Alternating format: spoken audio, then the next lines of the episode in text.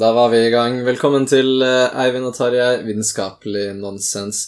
I dag så skal vi snakke om eh, paradokser. Og det første paradokset jeg vil stille deg, Eivind, er hvordan staver man paradoks på norsk? Er det med X eller på KS? Jeg tror ikke det er et paradoks. Jeg tror det er et spørsmål. Det er jo det vi skal komme fram til i dag, da. Hva er et paradoks? Ja, eh, jeg tror du staver det med KS. Jeg har aldri sett det med X på norsk. Ah, Ok, jeg kunne jo googla det her, jeg bare tenkte på det akkurat nå. Du må ikke google det, for det skaper for mye støy på keyboardet. Med mine Cherry MX Blue eh, De mest overlegne tastene i Det er egentlig ikke sant. Jeg skulle ønske jeg hadde eh, Thick Gold av Kali. Det er faktisk eh, veldig god. Ja, jeg har bare et sånn enkelt tastatur, jeg. Altså det innebygde tastaturet på laptopen. Eh, det innebygde tastaturet på den stasjonære. Står inne mellom uh, grafikkortet og, uh, og harddisken. Det er veldig vanskelig å komme til. Skal vi paradoksere, i den grad det er et verb? Uh, jeg tror ikke det er et verb. Um, Nei. Hva er det da? eh, jeg tror det er et substantiv. Men ja, men ikke å paradoksere, Nei, jeg tror ikke det er et ord engang. men et paradoks. Men hvis noe er paradoksalt, da er det plutselig et adjektiv. Ja, det er jeg med på. Paradoksalt syns jeg er bra. Du kan vel også gjøre det til et adverb ved å f.eks. Eh, løpe paradoksalt. Jeg tror ikke du klarer å finne på en setning der det gir mening. Jeg tenker paradoksalt. Oh. Oh. Kan du vennligst trekke tilbake det du nettopp sa? Ja, jeg trekker det tilbake. Den likte jeg. Det var et paradoksalt dårlig utsagn. Der var det et adjektiv igjen. Nok ordklasser for i dag, med mindre du kan komme på en paradoksal preposisjon. um,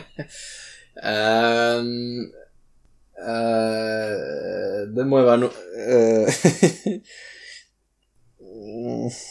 Jeg føler jeg, Det må uh, Det var vanskelig, altså. Ja, det tror jeg er ganske mulig. Fordi det er veldig vanskelig egentlig å finne på nye preposisjoner. Ja, men det var vanskelig å bare bruke det på eh, plassen til en preposisjon i en setning en gang. Bare gjenta den setningen og bytte ut ordet 'på' med paradok paradoks eller paradoksalt eller noe sånt. Ballen ligger paradoksalt bordet. Veldig bra. Veldig bra. Det var vanskelig. altså Jeg hadde veldig lyst til å si 'på' i tillegg etterpå. Ja. Men da blir det fort et eh, eh, adda blir et adverb. Eh, kan- ballen ja, ligger paradoksalt på bordet Det var mye bedre eh, bruk av eh, ordet som adverb. enn å tenke paradoksalt. Ja, det syns jeg faktisk. Det tar jeg som en fornærmelse. Ok, hva er et paradoks? Ja um, Er det noe som er selvmotsigende? Hva tror du om den definisjonen? Ja, det, her, det står i mine notater her noe som er selvmotsigende. Parentes aldri kan være sant. Parentes slutt. Ok, men den eh, definisjonen vil jeg utfordre litt. Jeg vil, eh, For det er mange ting som eh, aldri kan være sant. Um, men yeah. et paradoks, vil jeg mene å påstå, er verken sant eller usant. Og det er det som gjør det til et paradoks. Kan du si noe som alltid er usant? Um, jeg hadde tenkt å liksom komme med eksempelet Jeg er en mann, men uh, bare forutser at det blir uh, utfordra. jeg, eller jeg er ikke en mann, var egentlig poenget. men uh, i frykt for at det skulle utfordres på andre grunnlag, så prøvde jeg å komme på um, et annet eksempel. Himmelen er grønn, er noe som alltid er usant. Men det er ikke usant i alle universer, muligens. Og det er det jeg tenker, da. At det må Uavhengig av verden rundt, så må det være Ok, kanskje Usant. vil du, ha noe, vil du ha noe som er mer matematisk, da? Um, Nei, jeg vil gjerne ha noe dagligdags. Én pluss én er to. Um, ja, det er jo sant. Søren. Ok, bra jobbet. I frykt for at du skal klare å motbevise meg, så stemmer jeg for at vi går videre nå, for nå følte jeg foreløpig så, så vant jeg denne debatten. Og det er viktigere enn å komme fram til sannheten i denne podkasten. Uh, ok, um, vi kan jo ta noen ting som uh, jeg ikke mener er paradoks. Hva tror du om det? Ja, uh, fordi Ja, eh, gå videre. Jeg har bare skrevet ned noen her, eksempel Fermas paradoks. Kjenner du til det? Fermis. Fermis paradoks, riktig. Ja, for det, det har vi snakket om tidligere, tror jeg, i en tidligere episode. Mm. Eh, det. Om eh, universet. Ja. Eh, så vi trenger jo ikke gå så mye inn på det, men altså handler det om hvorfor vi ikke finner aliens. Det er litt sannsynlig at vi skal være den ledende rasen i universet. Mm. Og du mener det ikke er et paradoks fordi det kan finnes forklaringer på det? Ja. Um, ja, det er vel det jeg mener. Eller litt sånn uh, Jeg skjønner jo hva han mener med det, men, uh, men, for at det skulle være et paradoks, så føler jeg for det første at det måtte ha vært soleklart, liksom logisk, matematisk åpenbart at det må være sant. Og det er jo ikke. Det kan jo bare være at det er veldig lav sannsynlighet her. Så bare at det er en sånn sannsynlighetsgreie, åpner jo opp for at det, da, da, er ikke det et paradoks, fordi ting med lav sannsynlighet kan jo tiltreffe.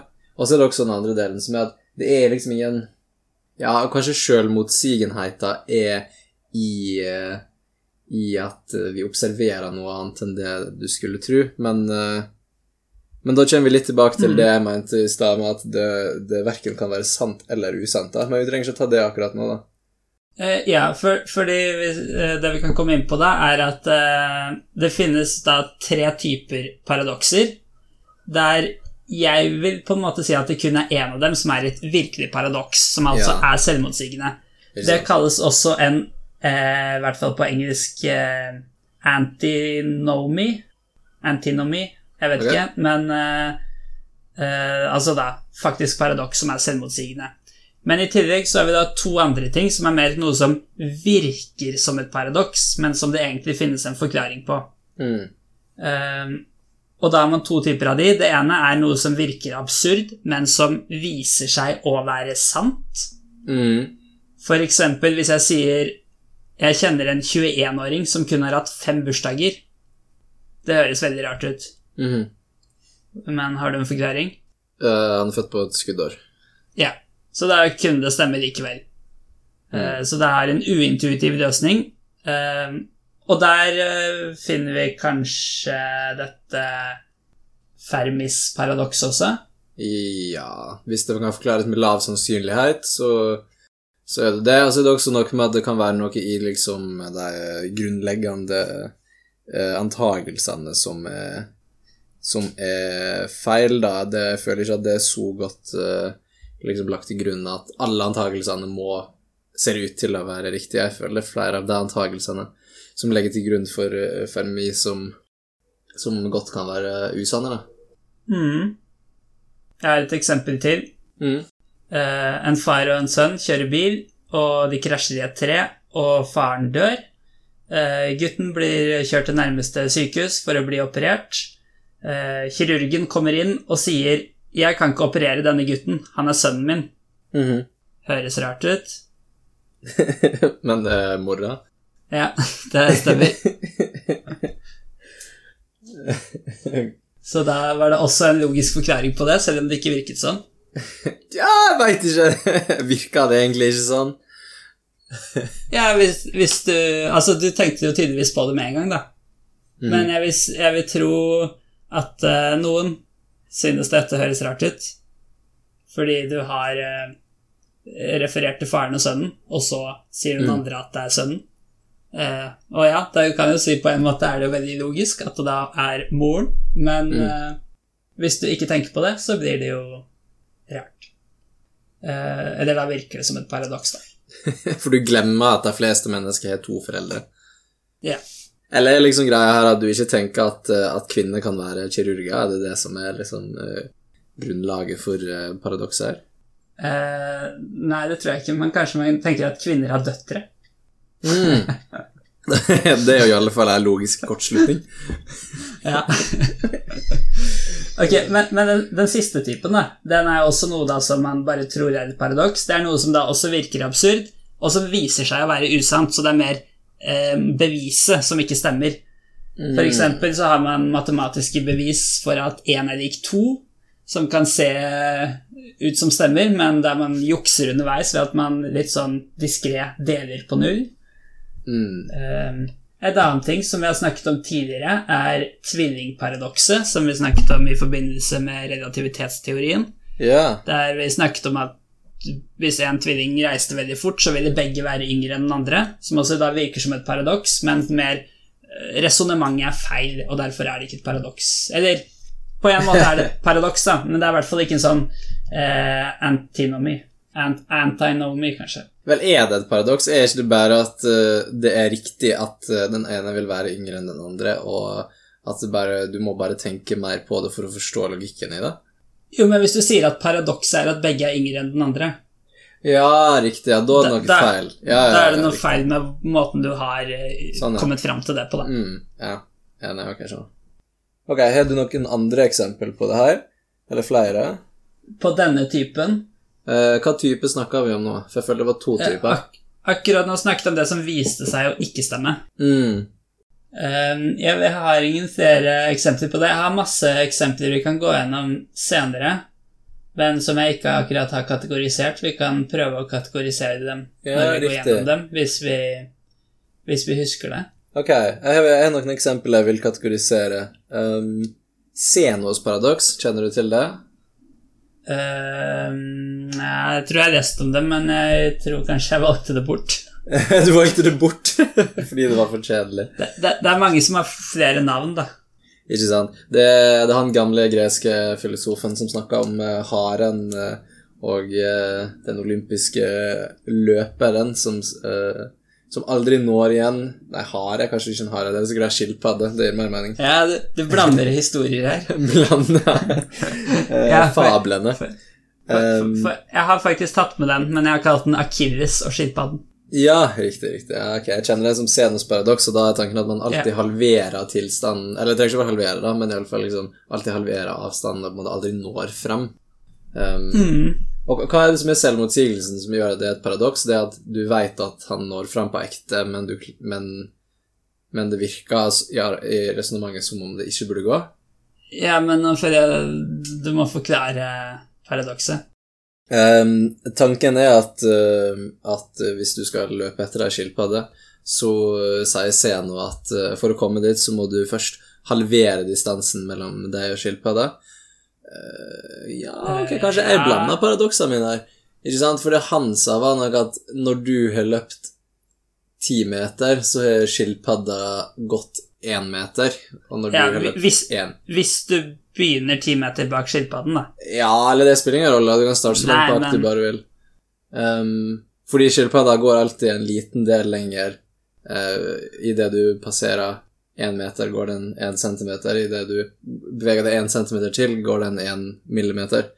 Eller Ja, så- størrelsesorden du vil jobbe på. Så hvis du hver gang setter deg et mål om å ta igjen skilpadden der den er når du begynner på det målet Mm. Så hvis den begynner ti meter, så løper du først ti meter, men da er skilpadden rukket å gå én meter, så da fortsetter du og løper én meter til. Du stopper altså ikke opp, men du setter deg bare nytt mål og fortsetter å løpe. Og da har jo da skilpadden gått ti centimeter til. Hvis, altså, dette tilsier jo da at skilpadden har en tiendedel av din fart. Mm. Uh, og så, så kommer du nærmere og nærmere, men du klarer aldri å ta den igjen. Ja, jeg tror jeg, prøv, jeg, tror jeg blanda det her nå akkurat med tilsvarende, tilsvarende problemstilling, som godt hende at det er det som er scenens paradoks. At du, for å komme fram til uh, Trenger ikke for deg skilpadde som beveger seg framover, som gjør det litt vanskeligere, kanskje, men bare å komme fram til målstreken som står stille, så må du først halvere avstanden din til målstreken. Og så må du halvere den gjenstående avstanden, og så må du halvere den avstanden. Og på den måten så må du fortsatt krysse liksom, en uendelig mengde eh, avstander, eh, og du når aldri frem til målstreken. Da. Ja. Så dette føler jeg jo er en type paradoks som det er av den siste typen jeg nevnte, altså ting som virker absurd, og som mm. viser seg å være usant. Ja. Eh, så beviset er falskt. Og problemet her er jo at uh, tiden du bruker på hvert mål, uavhengig av hvilket av de to, om vi tar den med skilpadden, eller om du bare skal halvere avstand til målstreken, Mm. vil jo bli mindre og mindre.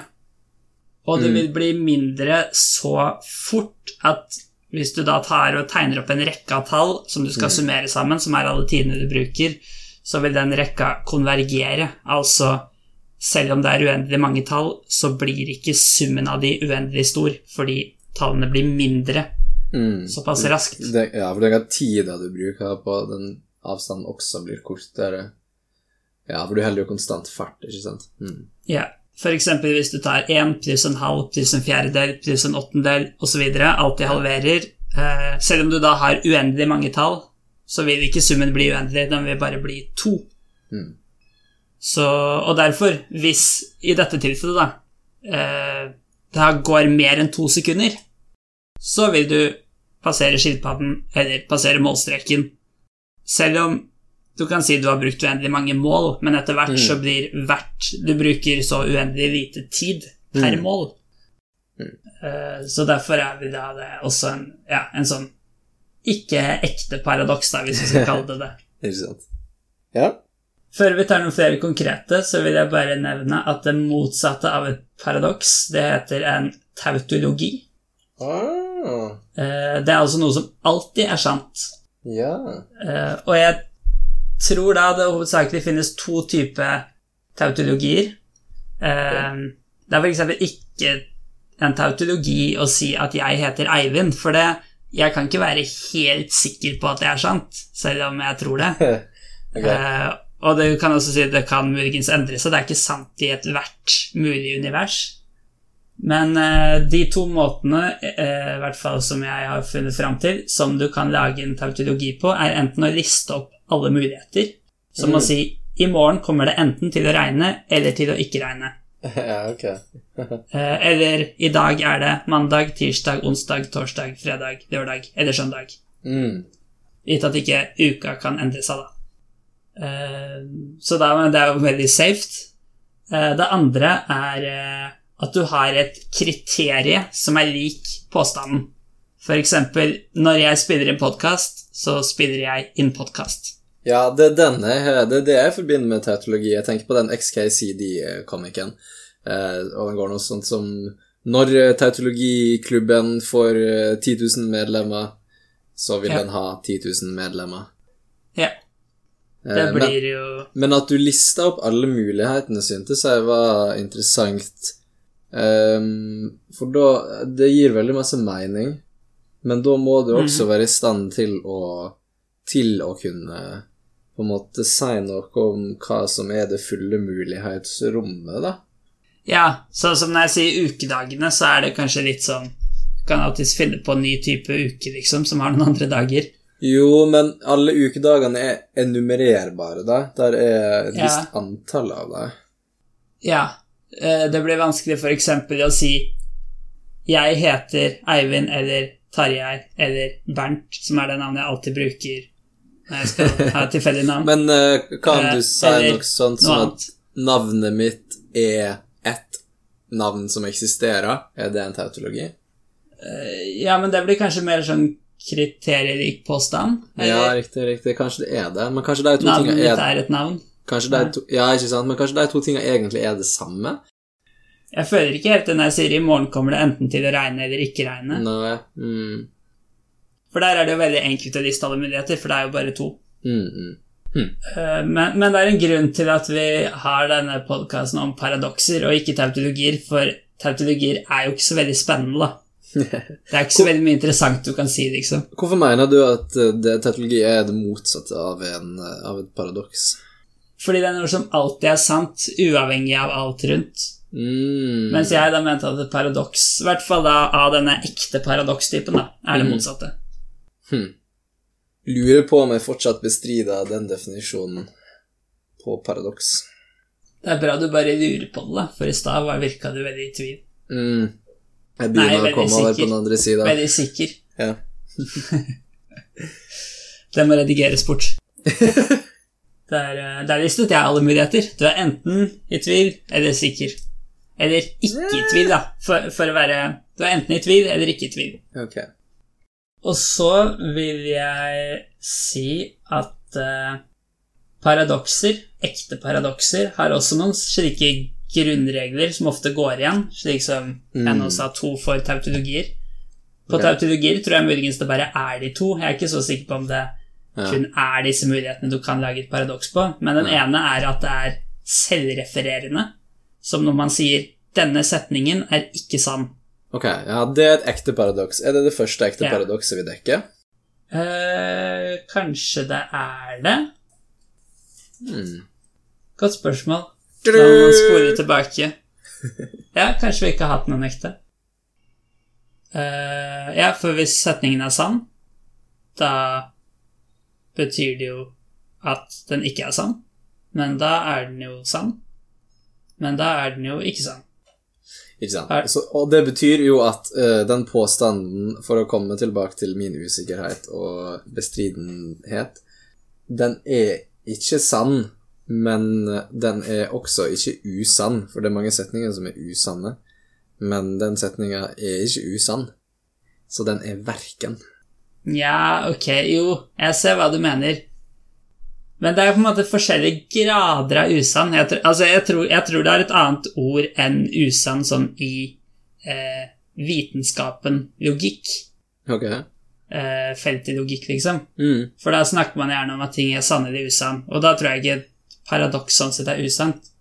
Men det, jeg mener at setningen ikke Har du et bedre ord for det, da? Det er at den er selvmotsigende, da, som jeg har sagt. Mm -hmm.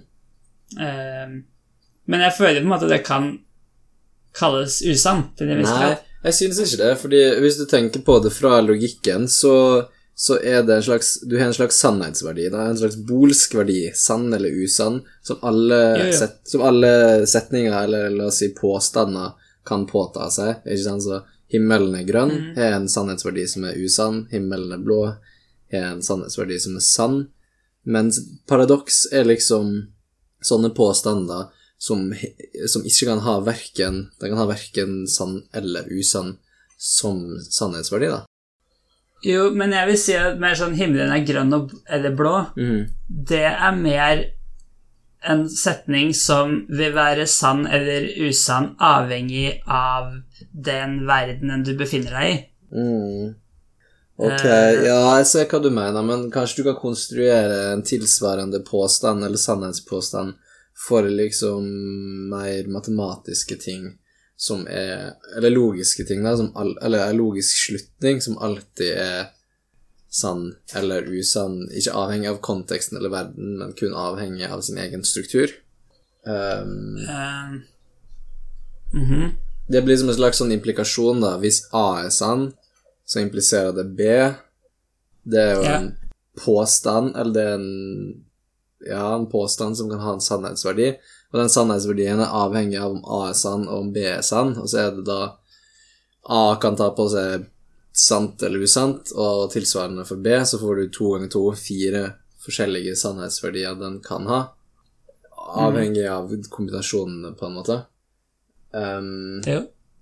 mens, mens et paradoks, mener jeg, da, kan ikke ta på seg verken sant eller usant. Og det er det som definerer paradokset for meg, da. At det, øh, det er noen sånne få konstru logiske konstruksjoner som verken er sanne eller usanne. Ja, nei, jeg er helt enig i at det ikke er det sånn eh, logikkmessig sant eller usant, nei. Mm. Eh, ja. Jeg, jeg, jeg gir opp. Ok, så du sa selvrefererende. Det er en eh, La oss kalle det en rekursiv påstand. Em, kan Ja. være et paradoks, men det må ikke være det. Nei, ikke denne setningen er sann. Er Ikke jo? Ikke sant? Det er, Er det en ja. tautologi? Eller ja, er det bare er det? Eller er det bare en påstand? For hvis setningen ikke er sann Ja, det er kanskje bare en påstand. Jeg vet ikke. Hmm. En, en, en annen som er helt tilsvarende, er eh, 'jeg lyver hver gang jeg snakker'. ikke sant. Det, det, Det blir egentlig akkurat det samme. Ja. Og så kan jo du konstruere uh, uh, en, et par av to setninger som refererer til hverandre, um, som blir den samme sånn uh, Det er jo på en måte en loop, da, en slags uendelig løkke der du veksler mellom å se på setninger som sann eller usann, øh, og du yeah. stopper på en måte aldri opp. Det er som en rekursiv funksjon uten en, en terminerende eh, Hva er det man sier? Avsluttende ledd. Hvis du sier 'den neste setningen jeg sier, er sann', den forrige setningen jeg sa, var eh, feil. Ja Eller usann, da. For da Så går Hvordan er det Ja. du vil starte med å tenke på det? Du sier at den neste setninga er sann, Mm -hmm. og du kan bare anta at den neste setninga er sann da, for å velge et tilfeldig valg, og den sier at den forrige setninga var usann, og det betyr jo at det ikke var sant, det jeg nettopp sa, som var at den forrige setninga var usann, men da ja. Men da var den lik Vent. det går fort i krøll når man prøver å tenke gjennom det. ja. Du må bare bytte på annenhver gang du sier sant eller usant, så trenger du egentlig ikke å forstå det. Neste setningen er sann, men den sier forrige setning er gal, og når forrige setning er gal, da må neste setning være gal. Aha. Ja, ok, her blir det faktisk to på rad av hver. Det blir sånn eh, sann, usann, usann, sann, sann. Usann, usann. Jeg føler å ikke tenke gjennom det er jo defeater jo hele purposen med, med, å, det, med å ha det gøy med å tenke på paradoks. Ja, men jeg fant ut når jeg gjorde research på paradoks, at paradokser egentlig er litt kjedelig. men det var etter vi hadde valgt tema. Det er fordi du ikke har tenkt gjennom det nøye nok. Du kan tenke på det her uendelig lenge og aldri komme fram til om, eh, om det stemmer eller ikke. Eh, Du kan loope evig, og hva er det som ikke er gøy med det? Nei, men det som er, er at mange av paradoksene syns jeg er ganske dumme. Men noen paradokser er spennende. Ok, men jeg syns det vi har gjort så langt, eh, er ganske interessant, for det vi snakker om nå, disse to uh, som refererer til hverandre, det blir jo som to, uh, to uh, mutually recursive funksjoner. Uh, Korekursive.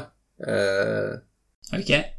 blir det ikke det? Det er to funksjoner som kaller hverandre, og som aldri terminerer fordi det aldri ehm, Det blir bare sånn evig løkke, det også, da. Um, Ja, hvis, du, hvis du må gjøre om alt til programmering og matte, så blir det det. Jeg tror vi må det, fordi det her er jo logiske påstander. Skal vi ikke gjøre lingvistene glade. Nei, jeg synes ikke det er noe med lingvistikk å gjøre, altså, for det her er logiske påstander, og logiske Ja. påstander er det samme som eh, Eller det er det en implikasjon er, det er en logisk påstand, og implikasjoner er eh, isomorfe, eller ekvivalente, eller hva du vil kalle det, med funksjoner. Eh, matematiske funksjoner, da. Um, og matematiske funksjoner er jo lett å modellere i et språk som har som et programmeringsspråk som har funksjoner. Så alt det her henger veldig tett sammen, eh, synes jeg, og kan forstås på, på en sånn uh, uh, matematisk måte. Tarjei 2020. Det- Jeg sier veldig masse i 2020. Du kan ikke sette det bak alle mine sitat. Tarjei 17. juni 2020. Nå vet alle hvor delay vi har med å få produsert ut podkasten nå. Du må ikke si sånt. Det er 17. juni, og det er fryktelig varmt. Det, Det er nesten paradoksalt varmt. Hva synes du om å kjøre vifta i Eller ei vifte inne i et uh, lukka rom for å kjøle deg ned? Er det paradoksalt? Uh, nei, ikke helt. Kanskje hvis du over lang tid spiller det kanskje ikke noen rolle. Men hvis du bare skal være i rommet i en time, så er det fordel å bytte ut lufta Ikke bare rundt deg spiller det ingen rolle, det gjør det verre. Termodynamikkens andre lov forteller oss at rommet blir bare varmere av å kjøre en motor som driver ei vifte uh, i et lukka rom. Den vil bare varme opp Ja. rommet. Gjør du tenker bare på halve problemet. Dette har ikke noe med podkasten å gjøre, men eh, det er det kanskje. Det er jo non det er Det er ikke nonsens, heller. Nei, det er jo ikke nonsens. Fordi det som er, er at uh, du får hele tiden nye luftmolekyler rundt kroppen din hvis du har på en vifte. Ja. Og siden lufta har lavere temperatur enn deg, så betyr det at hver gang du får ny luft, så vil den kunne stjele mer luft enn de gamle, Ja. varme Og det er derfor det føles nedkjølende å bli blåst av ei vifte. Det er, det, er det konveksjon? Jeg glemmer alltid hva som Ja, men- av disse varmeoverføringsmekanismene. Kan ikke. Um, for den tar med seg varme bort, uh, er det du sier. Og det, det gir mening så lenge romtemperaturen er lavere enn kroppstemperaturen din. Um, Ja, nettopp. Uh, så, men du sier det føles kjølende, men det er kjølende. Ja, det, ok. Det er nedkjølende. Eh, men du, men- du men- ja. Men hvis det er over Hvis det er varmere enn 37 grader, eller kanskje litt lavere, for det er mulig huden er litt kaldere enn det, Mm. eh, da vil det antagelig Føles Jeg kan ikke skjønne noe annet. Føles varmere hvis det er vind ute. Eller Det det er vil jo sikkert det og det, og hvis du har vært en veldig varm plass, så kan vind føles varm. Jeg har ikke opplevd det, Ja. men det går jo an. Nei, jeg vet Jeg kan ikke huske det konkret om jeg har følt det, men jeg vet ikke hvor varm huden er. Nei, det er jo et godt Send oss en e-post på det hvis du vet det, til Kanskje- vitenskapeliggnonsens at gmail.com. Ja, men det er jo litt sånn med den vifta at du liksom du får en sånn hit, hit av kulde, og du føler deg litt bedre, og så, og så blir jo bare situasjonen din verre, for det blir varmere i rommet, og så må du ha en ny hit for å kjøle den igjen, og så blir det verre, og så er det en sånn ond spiral, da, som en slags sånn avhengighet av uh, vifteavhengighet, som er vanskelig å komme ut av når du først starter. Jeg tror det hjelper. Jeg har et uh, annet uh, termodynamisk paradoks for det. Um, Ok, hvis du er så kaller det paradokser, ja, så vi kaller, kan snakke om det. Sånn at vi får det inn i podcasten. Hvis du er ute i en slags overlevelsessituasjon ute i naturen, um, mm. og du må holde det varmen, og du er sammen med en annen person, så virker det yeah. logisk, og, eller man gjør i alle fall det på film, legge seg inntil hverandre for å, for å dele varme, eller liksom holde varmen. Yeah. Hvordan, hvordan forklarer du logikken i det? For det, jo, det blir jo uh, Den totale varmen blir jo på en måte den samme, skulle man tro, og den totale mengden folk som trenger varmen, er den samme, så hvordan hjelper det noe som helst? Du eh, ikke minimerer, men reduserer overflaten deres totalt, slik at dere har mindre kontaktflate med den kalde lufta. Ah, det er akkurat min teori også. Har du tenkt på det her før? Vi har ikke snakka om det før. Eh, nei, jeg vet ikke om jeg har tenkt på det før. Eh, altså, det, det forrige jeg tenkt på, det med varm og kald vind, men dette Mm. vet jeg ikke om jeg hadde tenkt på. Ha, du tok det jeg følte det var. Det var veldig gøy. Jo, takk. Du minimerer altså overflatearealet som er eksponert for kald luft. Fordi, og det er jo litt gøy også, da, at hvis, hvis det faktisk er det som er forklaringa, for jeg, jeg har aldri snakka med noen om det eller søkt opp, jeg bare har tenkt på det, um, Mm. så er det nok sånn som at uh, ei kule, eh, en tresirkel, ei sfære, har den minste mulige areal per volum i tre dimensjoner. Yeah. Og det er jo derfor bobler er, er runde, for eksempel. Da. Eh, Mm. Så du mener at du, når du ligger inntil en annen person, så blir den totale liksom, eh, to-personen som dere former, nærmere ei kule i, i form? Ja, men det hjelper selv hvis du ikke Hvis man bare ligger som to rette streker. Jo da, absolutt, bare at du Men- men- minimerer arealet på et eller annet øh, vis, da. Ja. For du vil jo nesten Du vil jo uansett minimere arealet. Selv hvis man bare holder håndflatene inntil hverandre, så vil Ja, jo da arealet av begge håndflatene bli borte totalt, i og med at de Mm, det her går i minner hverandre i meg stedet. veldig om eh, beviset for uh, For uh, The Stokes-teorien, kanskje. For du, kans du kansellerer disse overflatene som er motsatt normalvektor. Ikke sant? Og ja. Mm. Nei, jeg har fortrengt Stokes-teorien og andre fæle matte 3-greier. Vektorkalkulus er den gøyeste delen av matten. Vi får ha det som et tema, men da Jeg har glemt alt. Så det er jo akkurat det du må si da i en overlevelsessituasjon. Kom her, la oss eh, minimere overflatearealet, slik at vi kan eh, minske varmefluksen eh, ut av eh, kroppene våre. Ja. Stemmer. Så ikke et paradoks, eh, eller bare et paradoks hvis du ikke skjønner matten eh, bak det. Det var vel den første typen Ja. paradoks. Ja. Uh, ja, det må vel bli det. Så vi, vi, vi er klart å kommet frem til, tror jeg, to paradoks, et slags rekeskift, og en korekursiv paradoks, som vi, vi Eh, ser på som ekte paradoks. Men jeg har en type til. Men jeg tror egentlig den har litt med den korekursiv å gjøre. Altså dette er to ting som går frem og tilbake. Mm. Mulig at det også kan være mer enn to. Jeg har kalt den evige sirkler. Ja. Mm. Som da jeg har et eksempel på, som kalles det omnipotence paradox. Ja. Eh, det har eksistert siden gamle Hellas. ja.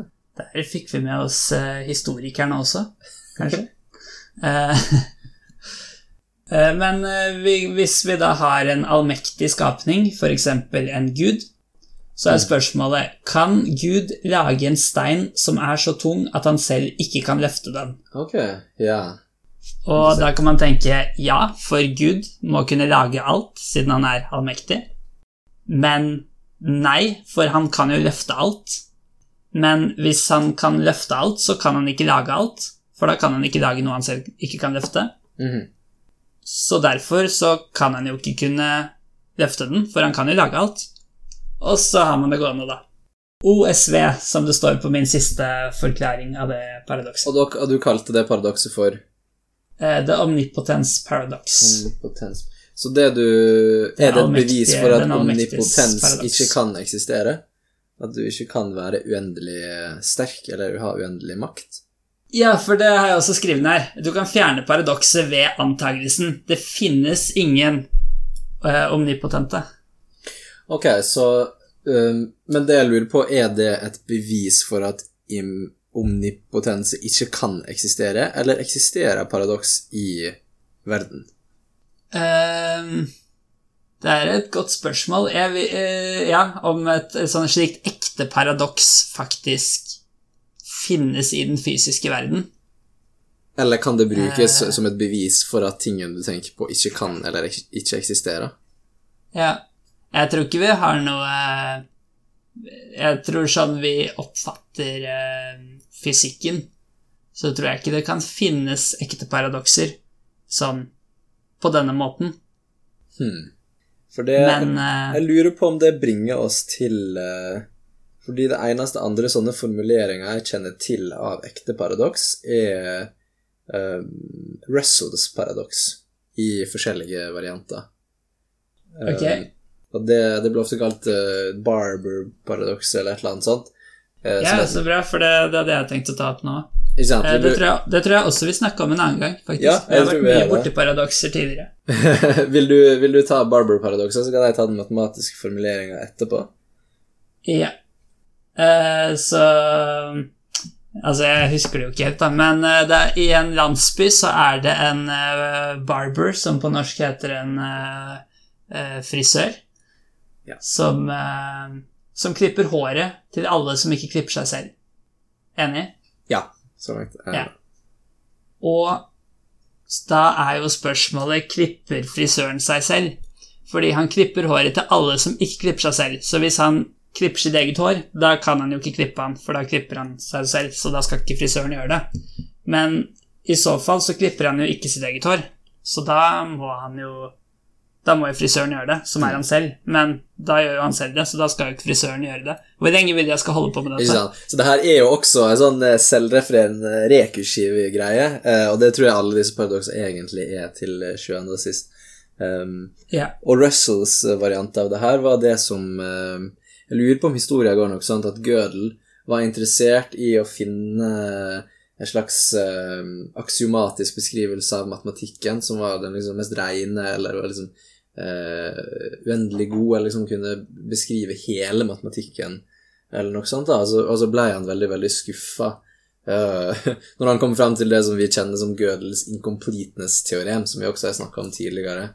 Eh, som beskriver hvordan okay. uh, matematikken er et logisk system, og ingen sånn formalisme kan være både self-consistent og um, beviselig på et vis. Øh, ja. um, og liksom detaljene her er vanskelige, men, uh, men det det handler om, er at det vil alltid være ting som ikke kan bevises i, eh, i systemet, som likevel er sanne. Og det Det, finnes det er vel Ja. Jeg tror vi snakka om dette i forbindelse med Strange Loop. Ja, eh, ikke sant. Uh, og Strange Loop, uh, som vi også snakka om, da, er oppkalt etter uh, Rare Løkke, som er sånne rekursive Ja. Som er jo på mange måter paradoks. Er Ja. liksom- Så dette er ikke vår første Vi har egentlig nå to podkaster med akkurat samme navn. Eller eh, synonymnavn. Nesten. To podcaster, hva mener du? Ja, vil Strange Loop er et synonym til paradoks, nesten. Ja Heldigvis så tror jeg den heter Strange Loop del 1, så da er det ikke samme navn. Så kanskje det her er del to, da, på, på en slik måte? Nei, men hvis vi skal lage en Strange loop del to det, det, er sånn, det er del én, og så er det selve greia, og så er det del to. Ah, ikke sant. Selve greia. Det er den minst forvirrende måten å gjøre det på. Så, så, så jeg tror Gull ble veldig skuffa over at det her var realiteten i verden. At matematikk kan aldri være liksom self-consistent, og, eh, og det vil alltid være ting som ikke kan bevises. Og så kan du tenke at ja, kan vi introdusere et nytt aksiom da, som bare konstaterer at den tingen som er sann, men som ikke kan bevises, eh, at da aksjomerer du, eller postulerer at den er sann, så vil det også likevel være ting utenfor som fortsatt ikke kan bevises. Og sånn kan du holde på eh, i, det, i, det, uendelige, da. Og det, og det yeah. problemet som fikk han til å innse det her, eller klare å formulere det her, uh, går historia iallfall, da, var Russell, som uh, som i et brev eller slikt skrev til han om Eller stilte spørsmålet som er akkurat det paradokset du beskrev med frisøren, eller barbereren, mm. og han formulerte det som settet som inneholder alle sett som ikke inneholder seg sjøl, vil det settet inneholde seg sjøl. Og det er paradoksalt, fordi akkurat, av akkurat samme grunn så så burde det inneholde seg sjøl, men da kan ikke det inneholde seg sjøl. Og hvis det ikke inneholder seg sjøl, så burde det inneholde seg sjøl. Og sånn kan det fortsette å flytte ja, okay. fram og tilbake i det evige. Mm. Det er rart hvordan uh, alle matematikere og sånn forventer at det skal være et enkelt svar på alt mulig. ja, uh, vi har jo en slags uh, Jeg sier vi som er matematiker, vi, men alle, vi alle mennesker har jo en slags eller kanskje ikke alle, men jeg har iallfall en, en, en forventning om at naturen og verden skal være forståelig og forklarbar, men, eh, men det viser jo seg ja. igjen og igjen at den ikke er det, ikke engang jeg, matematisk eller logisk. Jeg syns den er overraskende enkel, Sånn my, mye, i hvert fall. Men det tror jeg også vi har snakka om før.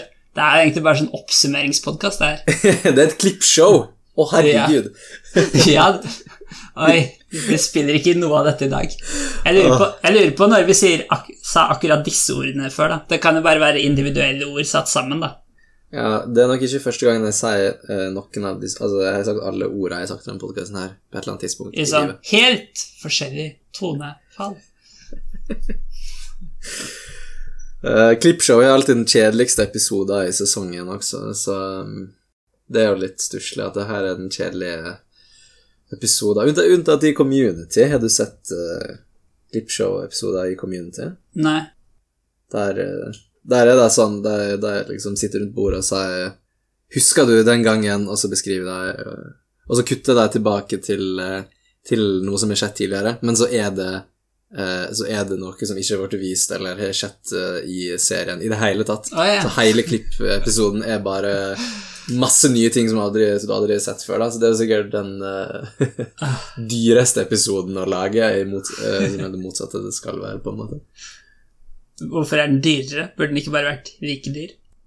Jo, for der var jo sikkert på masse forskjellige locations ja, okay, masse forskjellige ja, ting istedenfor mm. én ting, på en måte. Ja. Hva var vi Jo, uh, er, har du noe mer å si om dette?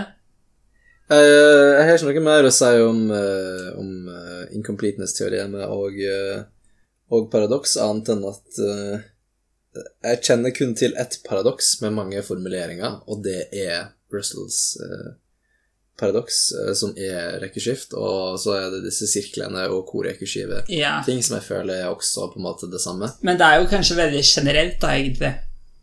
Ja, det er jo det mest generelle paradokset. Ja. Kanskje vi finner ut at noen av de andre paradoksene er av den typen. Ja, altså det er det jeg vil spørre, da, er det Eller jeg vil postulere at et paradoks er en, eh, en rekursiv slash korekursiv, som er på en måte en indirekte rekursjon, som aldri terminerer. Det er alle paradoks det samme som, eh, som eh, selvrefererende matematiske funksjoner som aldri terminerer. Det er noe med Det kommer liksom til halting-problemet her etter hvert, synes jeg. da, At det er noe med eh, noe som går i loop uendelig. Jeg tror kanskje det stemmer for alle ekte paradokser. Mm. Mange av de eksemplene det, det, jeg har, tror jeg egentlig ja. ikke er ekte.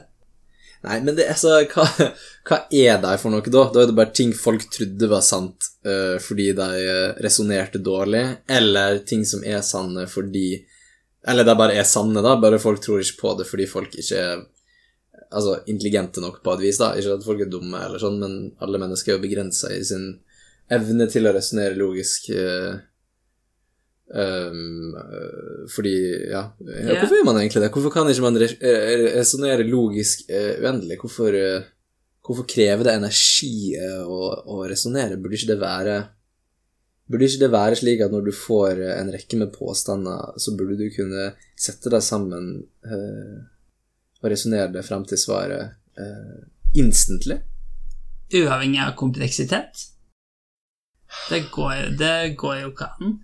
Nei, men det er en slags sånn begrensning. Det er en slags universell begrensning som gjør at verken mennesker eller datamaskiner kan det. Tror du det Jeg føler det henger liksom litt sammen med um, informasjonsflyten i universet, og at informasjon ikke kan forflytte seg uendelig fort, og det er det vi kaller lyshastigheten, eller liksom lysets hastighet. Ja, du kan si hvis hver eh, Altså, hvis du skal gjøre et logisk resonnement, så består det av mange små operasjoner. Mm, og hvis hver mm. liten operasjon kunne gått uendelig fort, da ville jo også totalen kunne gå uendelig fort. Ja, ikke sant? Men det gjør den jo ikke. Og derfor tar det tid. Jeg syns ikke det høres så rart ut. Ja, ikke sant, men uh, ja, det er ikke så rart hvis du, hvis du aksepterer at lyshastigheten egentlig er informasjonshastigheten. Ja, men det er det jo ikke i hjernen, for eksempel. Fordi informasjonen går jo ikke med lysets hastighet. Nei, nei, nei. Jeg mener mer som en slags begrensning i universet at uh, det, det, det, er som egentlig er den fundamentale sannheten, er at informasjon kan ikke forflytte seg over avstand fortere enn uh, en C og det er det vi kaller lyshastigheten, fordi lys er en slags sånn ren form for uh, informasjon, da. Ok, Nå er jeg helt sikker på at dette er en oppsummeringspodkast, for vi har snakket om lysets hastighet før òg, det er jeg sikker på. Jeg tror ikke jeg sitter her og spiller inn noen podkast nå. Det er jeg ganske sikker på, faktisk. det er bare klippet sammen av ja. tidligere. og så opplever jeg det sammenklipte via en ledning inn i hjernen, eller noe sånt. Jeg er ganske ja, sikker på at det er sånn det må være. Men, men, eh, men, jeg tror det stemmer at det ikke kan gå fortere enn eh, lyset. Men jeg skjønte ikke hvorfor, hva hadde det med saken å gjøre. Jo, ok, så, det, så poenget mitt er å si at um, på grunn av dine fundamentale informasjonsbegrensninger i universet, så kan ikke beregninger eller computations, eller hva du vil kalle det, logiske slutninger, da, vil ikke kunne foregå veldig fort heller. Og det setter en begrensning på, på alle entiteter, om det er mennesker eller datamaskiner eller hva som helst. Jo, i at uh, men, du kan ikke resonnere uendelig fort. Eller det er alltid en grense for hvor mye du kan resonnere på et tids, uh, tidsrom, da. Det er nok sant, men det betyr ikke at et menneske eller en datamaskin kunne gjort uendelig fort selv hvis det ikke var noe maksfart. Jo, det er det jeg tror, da. Mm, hvorfor tror du det? Hvis alt gikk uendelig fort, da? jeg tenker ikke at alt går uendelig fort, men at informasjon flytter seg uendelig fort. Men informasjon er jo alltid koblet til noe fysisk når det går informasjon i hjernen din. Den måtte jo gått uendelig fort. Ja, kanskje Det spørs hva du Altså, hva mener du med fysisk, da? Hvorfor, eh, hva, hva, definerer du fysisk som? Partikler, hovedsakelig. I denne sammenheng, i hvert fall. Eksisterer partikler? Er ikke det bare liksom felt og sånn? Det, nå er du inne på om det er sånn bølge versus eh, partikkelfysikk. Ja, ja. Har snakket, det har vi kanskje ikke snakka om før. Vi har kanskje ikke det. Vi får uh, ta ah, med en Da er det en ny podkast. Som uh, Heldigvis! Nei, ikke egentlig. For jeg sier vi må forskyve det fram og få med en, en gjest som kan noe om teoretisk fysikk. Det er summary av en fremtidig podkast. Det er et klippshow i begge retninger. I begge temporale retninger. Innholdsfortegnelse midt i boka. Så eh, Poenget mitt med alt det her var at eh, det, det, vil alltid være en begrensning på hvor mye du kan resonnere, uansett hvor smart eh, du er. Yeah. så den andre typen paradoks er ting som er sanne, men som ikke er forståelige fordi det krever så mange steg med resonnement at det ikke er hensiktsmessig å gå gjennom der på den begrensa tida du er i livet, eller den tida du gidder å tenke på det. Du mener de uekte? Eh, ja, ja, Ja. ja, det men det er jo mange av de du kan forstå, bare at du, du først tar feil. Ja da, ja da, altså, men jeg tenker at det er en sånn gradering her, at det, liksom, det blir vanskeligere og vanskeligere sånne paradoks eh, Eller sånne paradokser yeah. hermetegn vil bli oppdaga. Altså, altså, bare baller det på seg. Det er ingen grense for hvor kompliserte de kan være, antagelig, men de likevel er sanne, da. Nei, du kan jo sikkert lage et paradoks med 10 000 antakelser, liksom. I hvert fall et Ja, men ikke nødvendigvis antakelsene heller, men at det tar så mange resonneringssteg å komme fram til svaret, selv om det er ganske få antakelser, tror jeg. Ja, kanskje. Uh, og så kan jo det hende at uh, incompleteness-teorem også sier at det er ting som, uh, som er sanne, men som ikke kan uh, resonneres seg fram til, da, som også vil være sikkert i den kategorien. Ja. Så, men uh, veit du om da noen andre paradoks innenfor eh, som er ekte, eh, som ikke er en sånn uh, rekeskiv- eller uh, indirekte rekeskiv-sak? Jeg har masse paradokser vi kan gå gjennom, eh, så kan vi Ja. ta det litt. Jeg har ikke kategorisert de. Men aller først har jeg bare okay. lyst til å spørre deg et spørsmål. Jeg tror ikke det er et paradoks, men det er litt sånn Litt samme greiene, da. Jeg, bare, jeg vet ikke om du har hørt den før. Men eh, du, du går langs en vei, så kommer du til et kryss. Eh, du vet ikke hvilken vei du må ta, men det står to personer der. Som du kan, du kan spørre et spørsmål til en av dem, men en av dem lyver alltid. En av dem snakker alltid sant. Begge, Mm. begge vet hvilken vei som er riktig, men du vet ikke hvem av dem som er hvem. Hva skal du spørre om for at uh, For at du uansett skal gå riktig vei, da? Og, og du fikk, eh, du fikk eh, stille ett spørsmål? Et var det det spørsmål totalt, ja. Og du vet ikke okay. hvem av de du kommer til å spørre, da. Det her høres mer ut som en gåte enn et paradoks, for Ja. det er løsbart, er ikke det det? Absolutt, det er ikke et paradoks, men jeg bare det, jeg, jeg liksom Jeg begynte å tenke på det når jeg gjesta paradoksene, for jeg føler det er litt okay. sånn relatert, hvis du skjønner hva jeg mener. Absolutt, Hver- det er det. Det føles sånn, veldig relatert. hvert fall i forhold til sånn 'denne setningen er feil' og sånt. Ja, ja, ja. Ikke sant? For det du vil spørre om Du vil spørre, du vil spørre en av deg, så vil du spørre Du må på en måte dra han andre inn i det på et vis, og du må spørre hva, hva synes du om den andre? Hva, hva ville den andre Ok, da svarer jeg. Nei, han er, han er hyggelig. Ok, hva, eh, hva ville den andre ha sagt hvis jeg hadde spurt han om hva vei jeg burde gå? Ja. Så hvis du spør han som lyger om det uh, Fordi hvis du hadde spurt Ja, du spør han som lyger om det. Og det vil si at hvis du hadde spurt han andre som snakker sant, så hadde han sagt riktig vei, og derfor vil han som lyger, si Han vil ha sagt at du skal gå den veien, men han vil egentlig lyge og si andre veien. Så det betyr at du må alltid gå i motsatt retning av det han du spør, svarer. ja. La oss si at høyre er riktig vei. Ja. Så Ja, som du sa, hvis eh, du spør han som lyver, du vet jo ikke det, Mm. om hva han andre ville sagt, så ville jo han andre da sagt høyre. Men siden han du spør river, så sier han da venstre. Hvis du gjør motsatt, så spør du han som snakker sant, men han som river, ville jo da sagt venstre, siden det er feil. Yeah. Og siden han du spør snakker sant, så får du også venstre som svar. Så går det motsatt. Det er en veldig sånn interessant greie. Det føles veldig ut som et slags sånn uh, signal som går gjennom en boks, som kan være en not-boks eller en ingenting-boks. Ja, Er du med på den? Et, et altså et, signal. et, signal som du ikke vet Altså, signalet kan være én eller null, Ja. og så vet du ikke om det byttes når det går gjennom en boks som du ikke kjenner til hva som ja, skjer. riktig. Så, og du, derfor må du få den til å gå gjennom begge boksene. Du vet at én av deg flipper signalet, Ja, ja. og derfor må du flippe det på slutten. Det det, Det, som det tror jeg var en god, godt resonnement, ja. Ja! Wow, det var gøy. Wow, bra. Men, men hadde du hørt om dette fra før? ikke?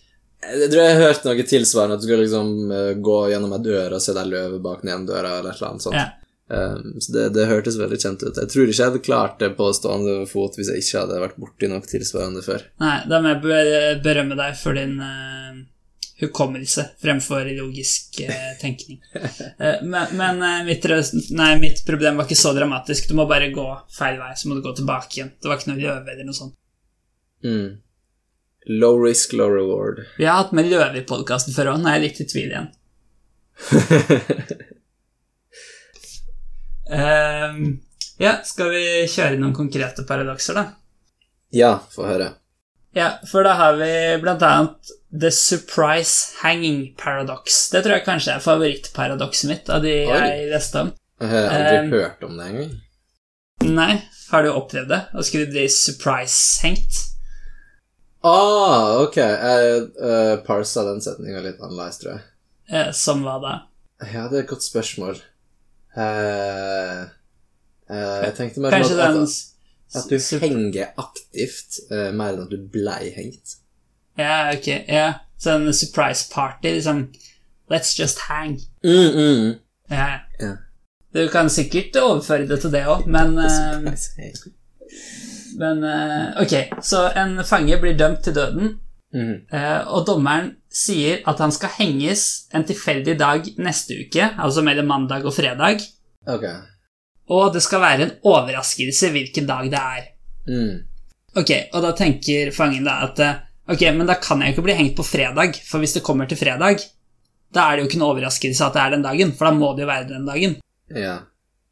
Eh, ok, så det kan ikke være fredag. Og så tenker han, men da kan det jo ikke være torsdag heller, for hvis det kommer til torsdag, da må det jo være torsdag, i og med at det ikke kan være fredag. Mhm. Ok, men onsdag, da går jo ikke det heller, for da er det heller ikke noe overraskelse, for det kan jo ikke være torsdag eller fredag. Mm. Og så gjør man det samme for tirsdag og for mandag, og så innser da fangen at å ja, jeg kan ikke bli hengt, og det er en overraskelse. Slapper av, så kommer onsdagen, og han blir hengt og er overraska. For han hadde konkludert med at det ikke gikk an at han kunne bli hengt. Ja. Den Eh. er Ja, jeg liker den, rett og slett. Den er veldig Du kan, du kan garantert overføre det til et surprise party òg. At du skal, noen skal bli overrasket med en fest eh, en gang i løpet av uken. Ja, ikke sant? The Surprise Party Paradox har jo Det er jo en mye bedre formulering og gøyere navn. Det er mye mindre trist. Eh, det er det også. Jeg vet ikke om det gjør det bedre eller dårligere innen sammenhengen her. Eh, nei, det spiller ikke så mye rolle. Vi fokuserer på paradokset. Men, men ok, hvilken type er dette, og hvorfor funker det? Uh, Er det et paradoks? Fordi altså, du, altså Konklusjonen er at han blir overrasket uansett, så på den måten så er det ikke et paradoks i det hele tatt, fordi uh, det, er bare, det er bare sant. Eller liksom Påstanden om at han skulle bli overraska, er bare sann. Så Ja. I- Jo, ja, paradokset er på en måte at eh, man trodde det ikke gikk an at han kunne bli overrasket, Ja, men så ble han og så ble han det likevel. Ok, så jeg tenker at det må være uh, feil i resonneringa til fangen. Jeg tenker at det er en sånn paradoks Ja. som er sant, vi bare resonnerer feil. Ja. Uh, uintuitiv løsning. Mm. Men hva er løsninga? Uh, at han uh, kan bli overrasket. Ok, men klarer du, for, klarer du å forklare hva som er feil ja, okay. resonnementet? Ah, vil du ha så mye detaljer? Det er ikke sånn man bare kan eh, skrive svaret. Du må ha ut, utregning òg. Ja. Ja, ok. Um, det har noe med at uh, Jeg husker ikke så mye av hvordan man skulle forklare det på en god måte, men at uh, du må på en måte ta med hans egen resonnering i Ja. forklaringen. At siden han tror han ikke kan bli overrasket, så kan Mm. han bli overrasket likevel. Hmm. Det er min beste forklaring. Men, men det er jo en sannhet i resonnementet hans likevel, og det er sikkert derfor man blir lurt av resonnementet òg, fordi det virker litt logisk. Uh, Ja. Og det er jo at hvis du kommer til torsdag, eller liksom til fredag, så, så veit Ja. du at det er på fredag. Mm. Eller liksom, hvis du kommer etter hengetid på torsdag, så vet du at da må det være i morgen. Ja. Um, så det må jo på en måte være mandag, eller, mandag til torsdag. Ja. Og da Ja, men det, det, det er lett å liksom falle inn i den rekusjonen der. Altså, jeg syns det er Ja. vanskelig å uh... Ja, for, for da har vi noe med det. Fordi selv om du på en måte tenker at det kan ikke skje på torsdagen heller, Ja. så kanskje det da kan det fordi han tror han ikke kan det. Ja, det er vanskelig, altså. Jeg føler du, du går litt sånn fram og tilbake. ja, kanskje det sånn er et ekte paradoks som faktisk går frem og tilbake evig, og det er sånn den tredje ekte paradoksen. Ja, men, men men det er jo ikke et paradoks i den forstand at um, han Altså, målet er jo at han skal bli overrasket, mm. og han blir overrasket. Altså er det ikke noe paradoks. Ja, hvis du Men uh, Ja Det er bare at hvis, Ok, hvis du står opp på onsdag, og så blir den hengt, Ja. så, så blir du overraska Sjøl om du ikke konkluderte med at det ikke går an å bli overraska, føler jeg. Men ja Men hvis du kommer til torsdag så er, Jeg tror, jeg, tror, jeg tror vi bare kan spinne rundt i sirkel her nå, så lenge vi ønsker. men, men kanskje det betyr at det er den tredje ekte typen av paradoks? Er det er det? Jeg forstår ikke helt. Ja, men føler, Det er ikke selvmotsigende, da. Nei, fordi du konkluderer med at det ikke går an å bli hengt, ja. Ja, Ja, men, men, men det er når du, når du tar med påstanden at det ikke går an å bli overrasket, Mm. det er på en måte Mm. da det er et paradoks, når du allikevel blir overrasket. ja ok, sånn, ja. Um, ja. Ja. Jeg, jeg syns det er stilig, og det er kanskje noe med det at det er det paradokset jeg forstår meg minst på, da. Ja, mm. Jeg, jeg har tenkt på dette før selv, ja, uten å ha hørt om paradoks, faktisk.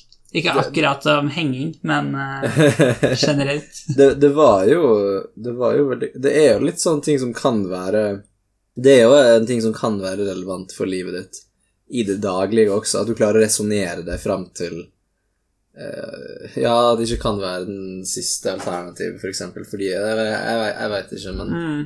Ja, for hvis det er Ja. en surprise party-vridning på det, så Ja, jeg vet ikke. Men kravet er på en måte at det foregår over tid, sånn at Mm. eh, du Mm. vet at alle de andre alternativene ikke kan skje før det I siste er igjen. fortiden, ja. Det fungerer ikke hvis du har en quiz med fem alternativer, liksom. Nei, nei, nei, det blir noe annet. Men hva mener du, hva kategori sier du den havna i? Um, en av de uekte, Ok, og, og litt åssen du ser på det, hvis du tenker på at uh, ja. um, det virker veldig rart at han skal kunne bli overrasket. Mm. Da er det jo sånn Det viser seg å være sant. Mm. Hvis du mer ser på det som at det går ikke an å bli overrasket, da er det mer den Det viser seg å ikke være sant, altså et falskt bevis. Men det føler jeg litt gjelder mange av disse falske paradoksene, at det er egentlig Du kan, kan ikke yeah. ofte vri på deg, altså alt etter hva vei du ser på så havner det i motsatt type. kategorien. Ja. Det kan godt være, ja. Um, skal vi se, hvis du ser på den eh, 21-åringen som kun har hatt fem bursdager også det, det, det virker jo usant, men så viser det seg å være sant. Mm. Men hvis du i stedet eh, Skal vi se Nei, det, det blir ikke så. Du kunne sagt motsatt, der, hvis uh, Ja. uh, Hvis du påstår at alle 21-åringer har, har hatt 21 bursdager. Det viser seg å være usant, men det Ja. virker ikke absurd i utgangspunktet, Nei. Mm. s- som regel. Så derfor Det er kanskje litt spesielt med det, da. At det virker Jeg vet ikke helt. Eller noe med at Jeg vet ikke, at det er to personer som Altså dommeren og fangen Mm. som har forskjellige påstander av det, hvordan denne funker, og fra hvert sitt perspektiv så er det da hver av disse to typene. Mm. Kan det være noe sånt? Eh, uh, nei, for jeg føler ikke dommeren ser noe paradoks. Eh, Dommeren påstår at det kan være en overraskelse. Ja, og så er jo det sant. Ja. Uh, ja, ok. Uh, ja, men hvis Nei, jeg vet ikke. det, er, det er et forvirrende paradoks. Men jeg tror Alle vi må, vi må gå videre, tror jeg, hvis vi skal rekke resten. Ja, før neste Jeg tror ikke vi kommer til bunns i dette. Send oss en mail hvis du har noe innspill. Please do.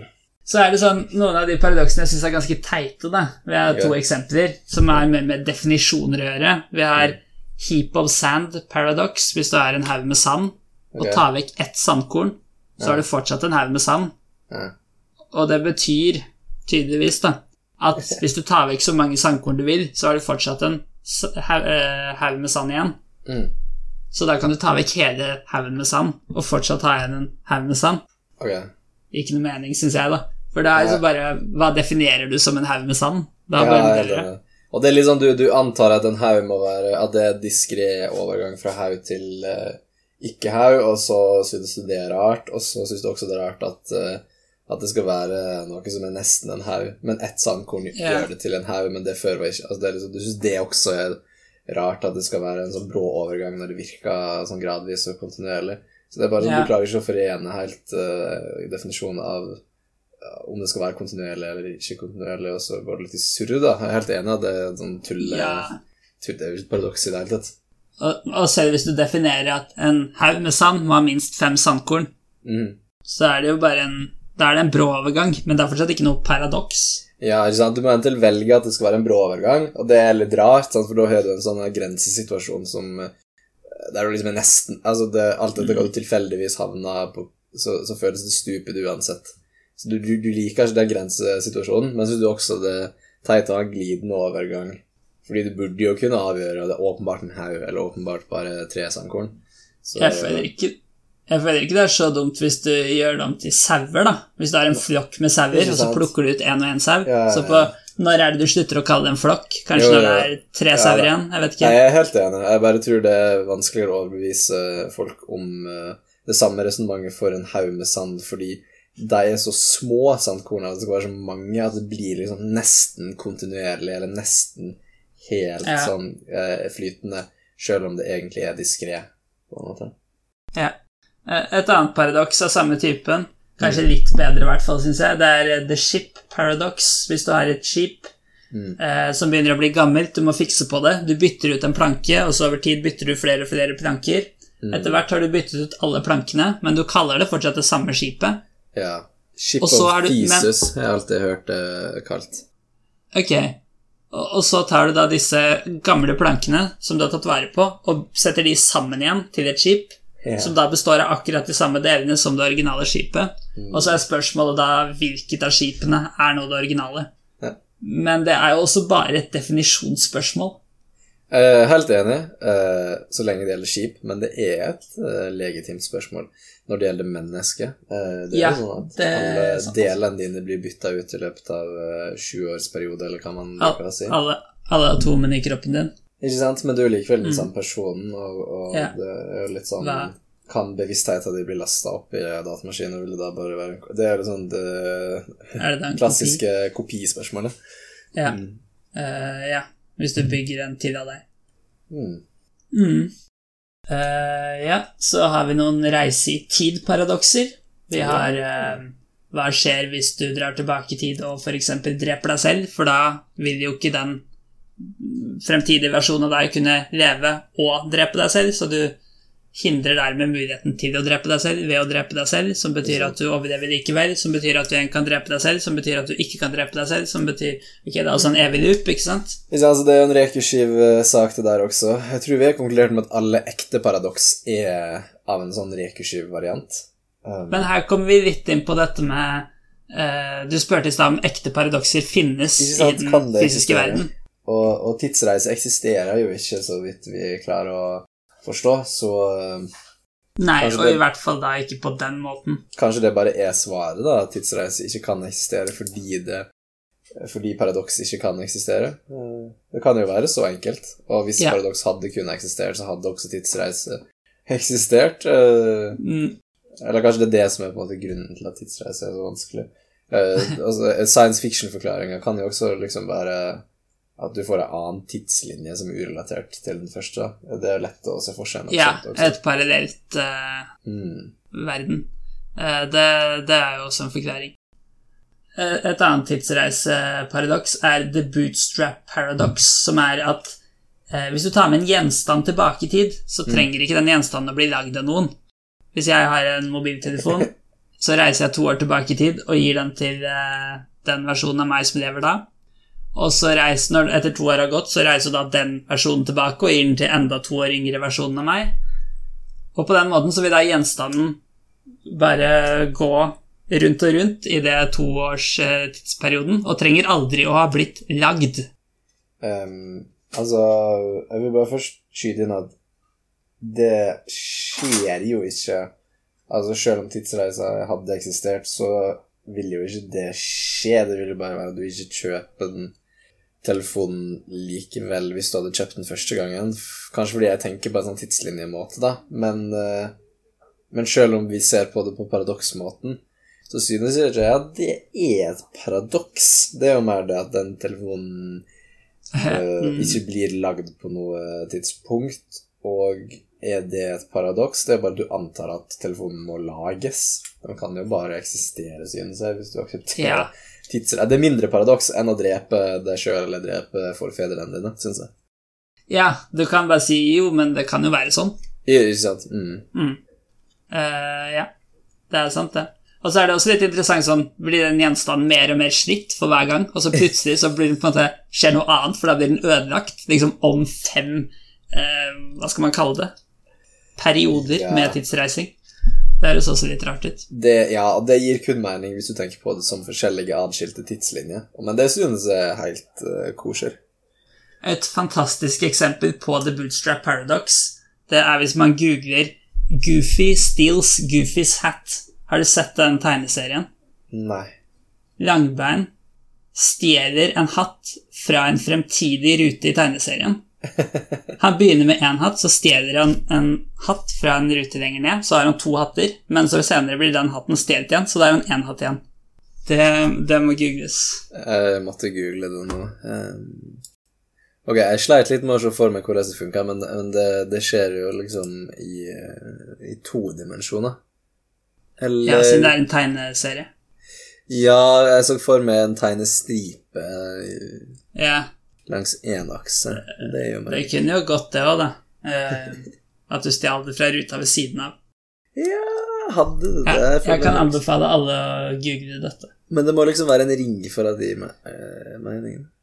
Ja, Det er fordel at det er noen ruter inn i fremtiden. Google hvis du vil forstå. Så har vi noe som heter perspektivbaserte paradokser, som er perfekt for podkaster, for de er gjerne i i- illustrasjoner og bilder.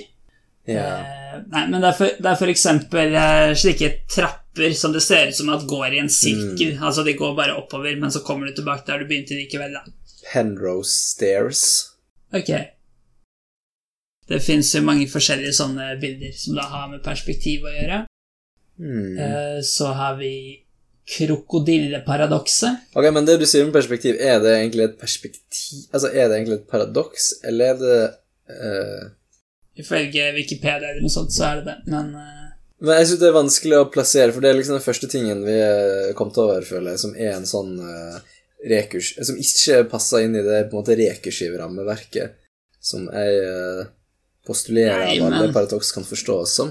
altså Kan du ikke nesten bare kalle det et uekte paradoks der uh, resonnementet er feil, rett og slett fordi bildet er feil? Ja, ikke sånn. sant? Ja, ok, den aksepterer jeg. Det er et økt paradoks på den måten. Ja, men, kult. men, men du kan si hvis det hadde fantes noe sånt i virkeligheten Ja, ja, ja. Men kanskje du egentlig bare kan da si at eh, liksom, romdimensjonen ikke fungerer på den måten vi tror de fungerer. Ja, ja, ja. Enten det, eller så er det tilbake til at uh, paradoks ikke kan eksistere, faktisk. Ja, jo, jo, hvis, jo. Men jeg tenker hvis det faktisk eksisterte. Men det, jeg har i hvert fall aldri sett det i virkeligheten. Hvis uh, Skal vi lage en fornøyelsespark som er sånne ekte sånn trappeparadokser og sånt? Vi må bare finne ut hvordan vi gjør det først. Må finne ut hvordan vi gjør det først. Og sammen med tidsreisedelen av vekteparken. Eh, vekteparken. Ja, men da, det dumme med det er at da kan folk sikkert jukse med inngangsbilletten og sånt, for at de bare reiser tilbake i tid til den dagen de hadde billett til og sånt. ikke sant? Det blir veldig dumt sånn økonomisk. Men det, på den annen side, Den verste forretningsideen vi har hatt. Ja, jeg vet det. Og vi har hatt mange dårlige forretningsideer. Sånn som La oss lage en podkast. men, men det er jo også et problem med disse perspektivbaserte, fordi at eh, du kan jo sikkert eh, lage en sånn juksetrapp inn i fornøyelsesparken vår, Ja, som du ikke må betale for, så Nei, hvis det bare ikke hadde vært for disse tingene, så kunne vi gjort det, men jeg tror ikke det er noe å tenne på det. Eh, videre, krokodilleparadokset, som jeg så vidt nevnte navnet på. Mhm. En krokodille fanger et barn, Ok. eh, og moren spør om å få tilbake barnet.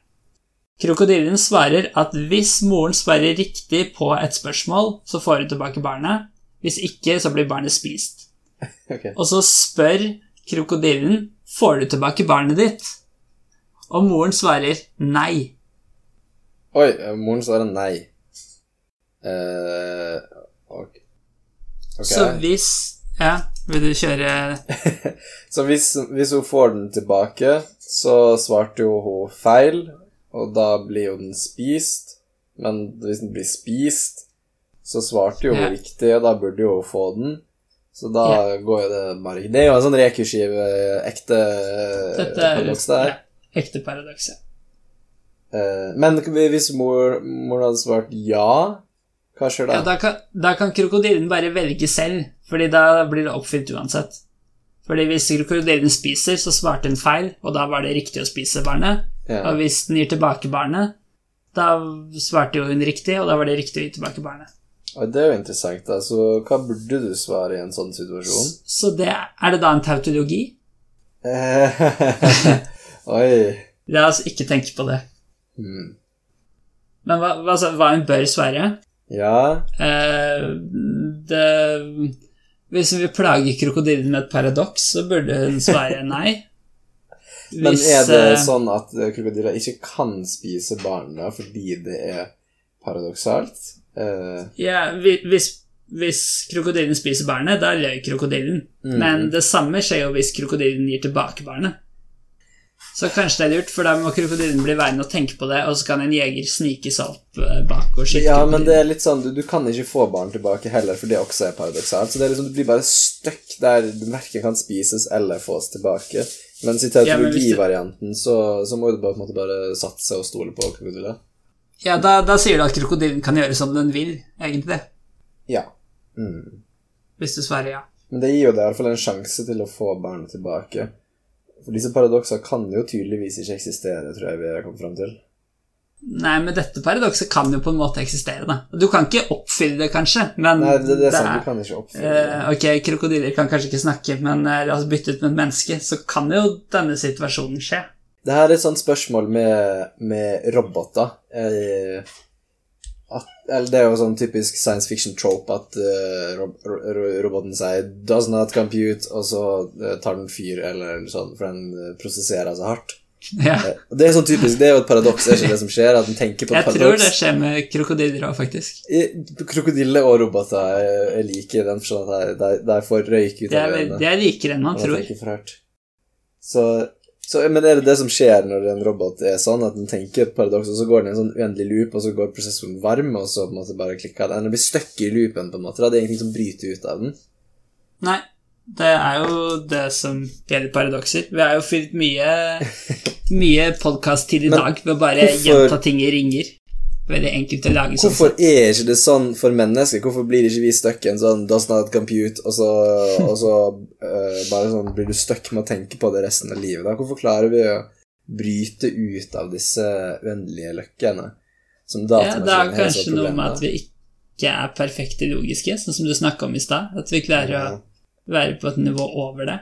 Vi klarer å være på et nivå over logikk. Vi, vi er ikke vår logiske resonnering, vi mer bruker det som et verktøy. Oi, men vi, vi styrer den.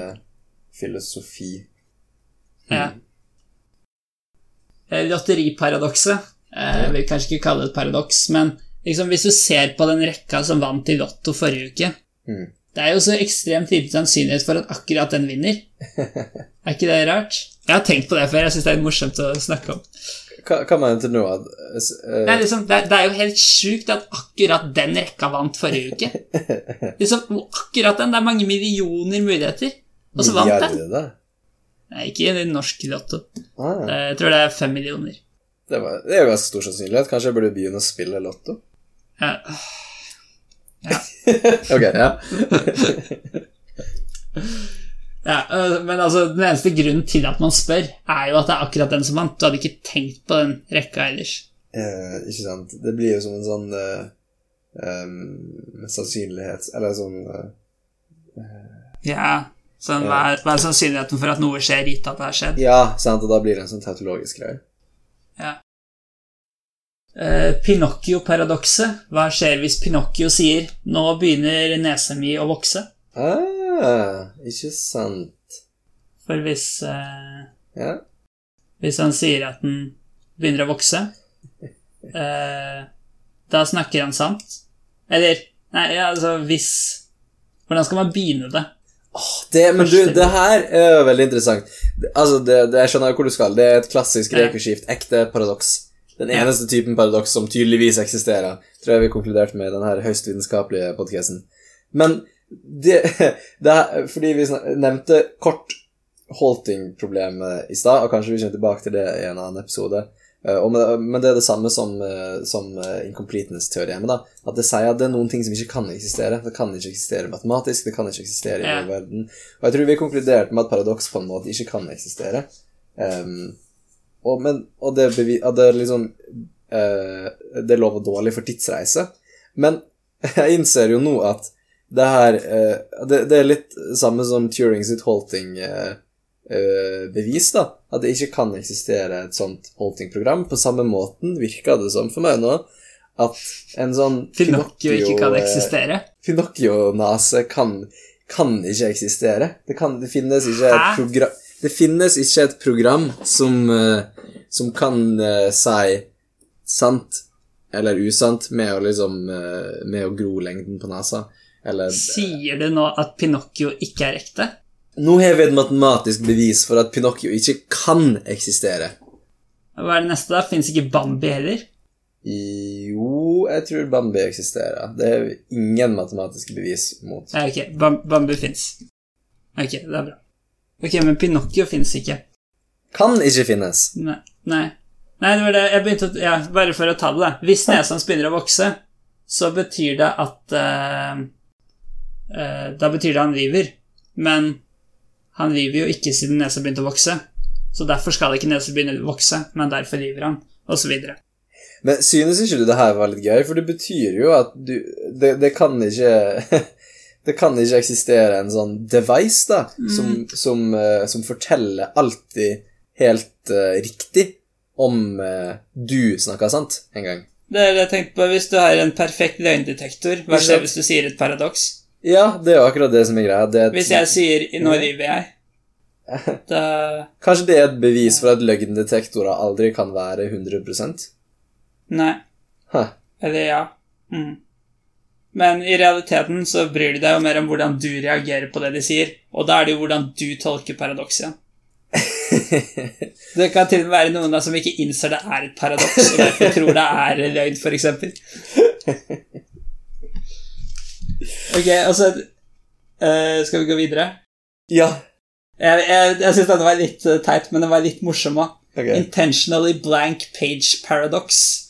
Ah, ja. man skriver ut sider, og så på noen sider, sider står det 'This page has intentionally been left blank', men da er Mm. den ikke blank lenger. Jeg vet ikke hva jeg kaller akkurat paradoks, men uh, Det, det det er, vel vel mer bare løgn, er det ikke det? Nei, man gjør det av og til når man trykker bøker, fordi For å få antall, for det siden er jo på en måte doble. Det er, den første sida i boka er også den siste sida i boka. På andre sida, så du for å få sida til å gå opp, så lar man av Noen må være øh, blanke. Altså, jeg vet ikke hvorfor man skriver det på av og til, men det er sikkert for at, Det er kanskje så man ikke skal tro det skulle vært noe der, da. at det er en feil. på en måte, trykt. Liksom, sant? Så det er det som er greia. Men Ja. og det er jo lett å fikse hvis du vil være pedantisk. Så det bare å skrive 'This page is blank except for this uh, yeah. sentence intentionally'. Det er sant. Men jeg vil si, det er ikke et paradoks selv uten det. Da er det bare løgn. Ja, det, er det er bare løgn hvis du tolker det bokstavelig. Hvis du tolker det som en normal Ja. person, så er det bare sant. Så det er uansett ikke et paradoks, synes jeg. Hvis man tolker paradokser som en vanlig person, så er mye av det ikke paradokser mer.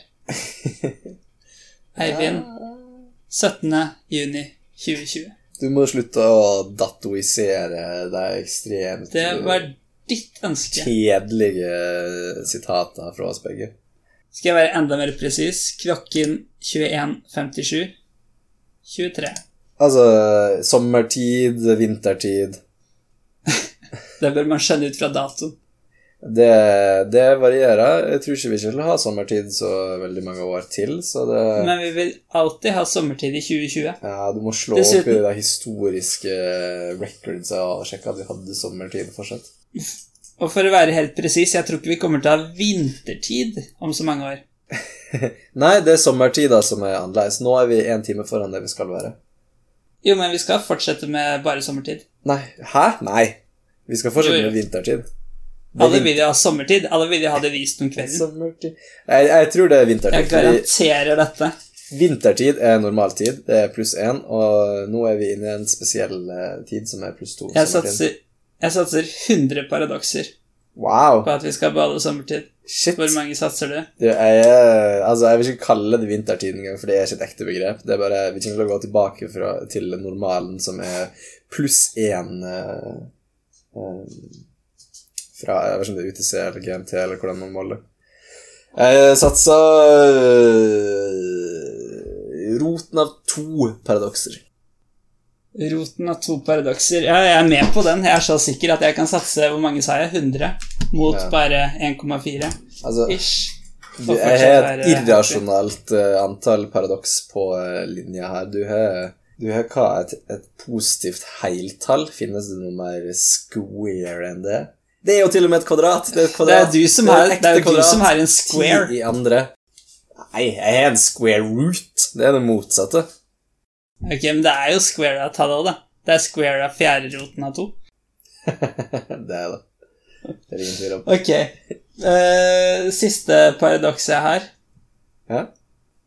Uh, The Infinite Hotel Paradox. Det er ganske kjent. ja. Uh, litt usikker på hva paradokset, men ok, vi har et hotell med uendelig mange gjester, naturlig nok. Populært. Mm. Uendelig mange rom også, da. Men sånn sett kan du jo si at hotellet er fullt, for det er uendelig mange gjester med uendelig mange rom. Ja. Og så kommer det en ny gjest. Hvordan skal man få plass til den nye gjesten? Mm. Svaret på det må jo være å flytte alle gjestene én bort. Da får du et ledig rom i stedet. Ja. Så rom, altså gjest 1, altså gjesten i rom 1, går til rom 2, og rom 2 til 3, og rom 1 milliard til 1 milliard og 1, og så kommer da den nye gjesten inn på rom 1. Ja. Uh, men jeg skjønner ikke helt paradokset. Hva eh, paradokset må vel være at uh, det er ikke Det er et sånt uh, falskt paradoks der du uh, bare synes det virker ulogisk, men, men det er egentlig sant. At det går, da.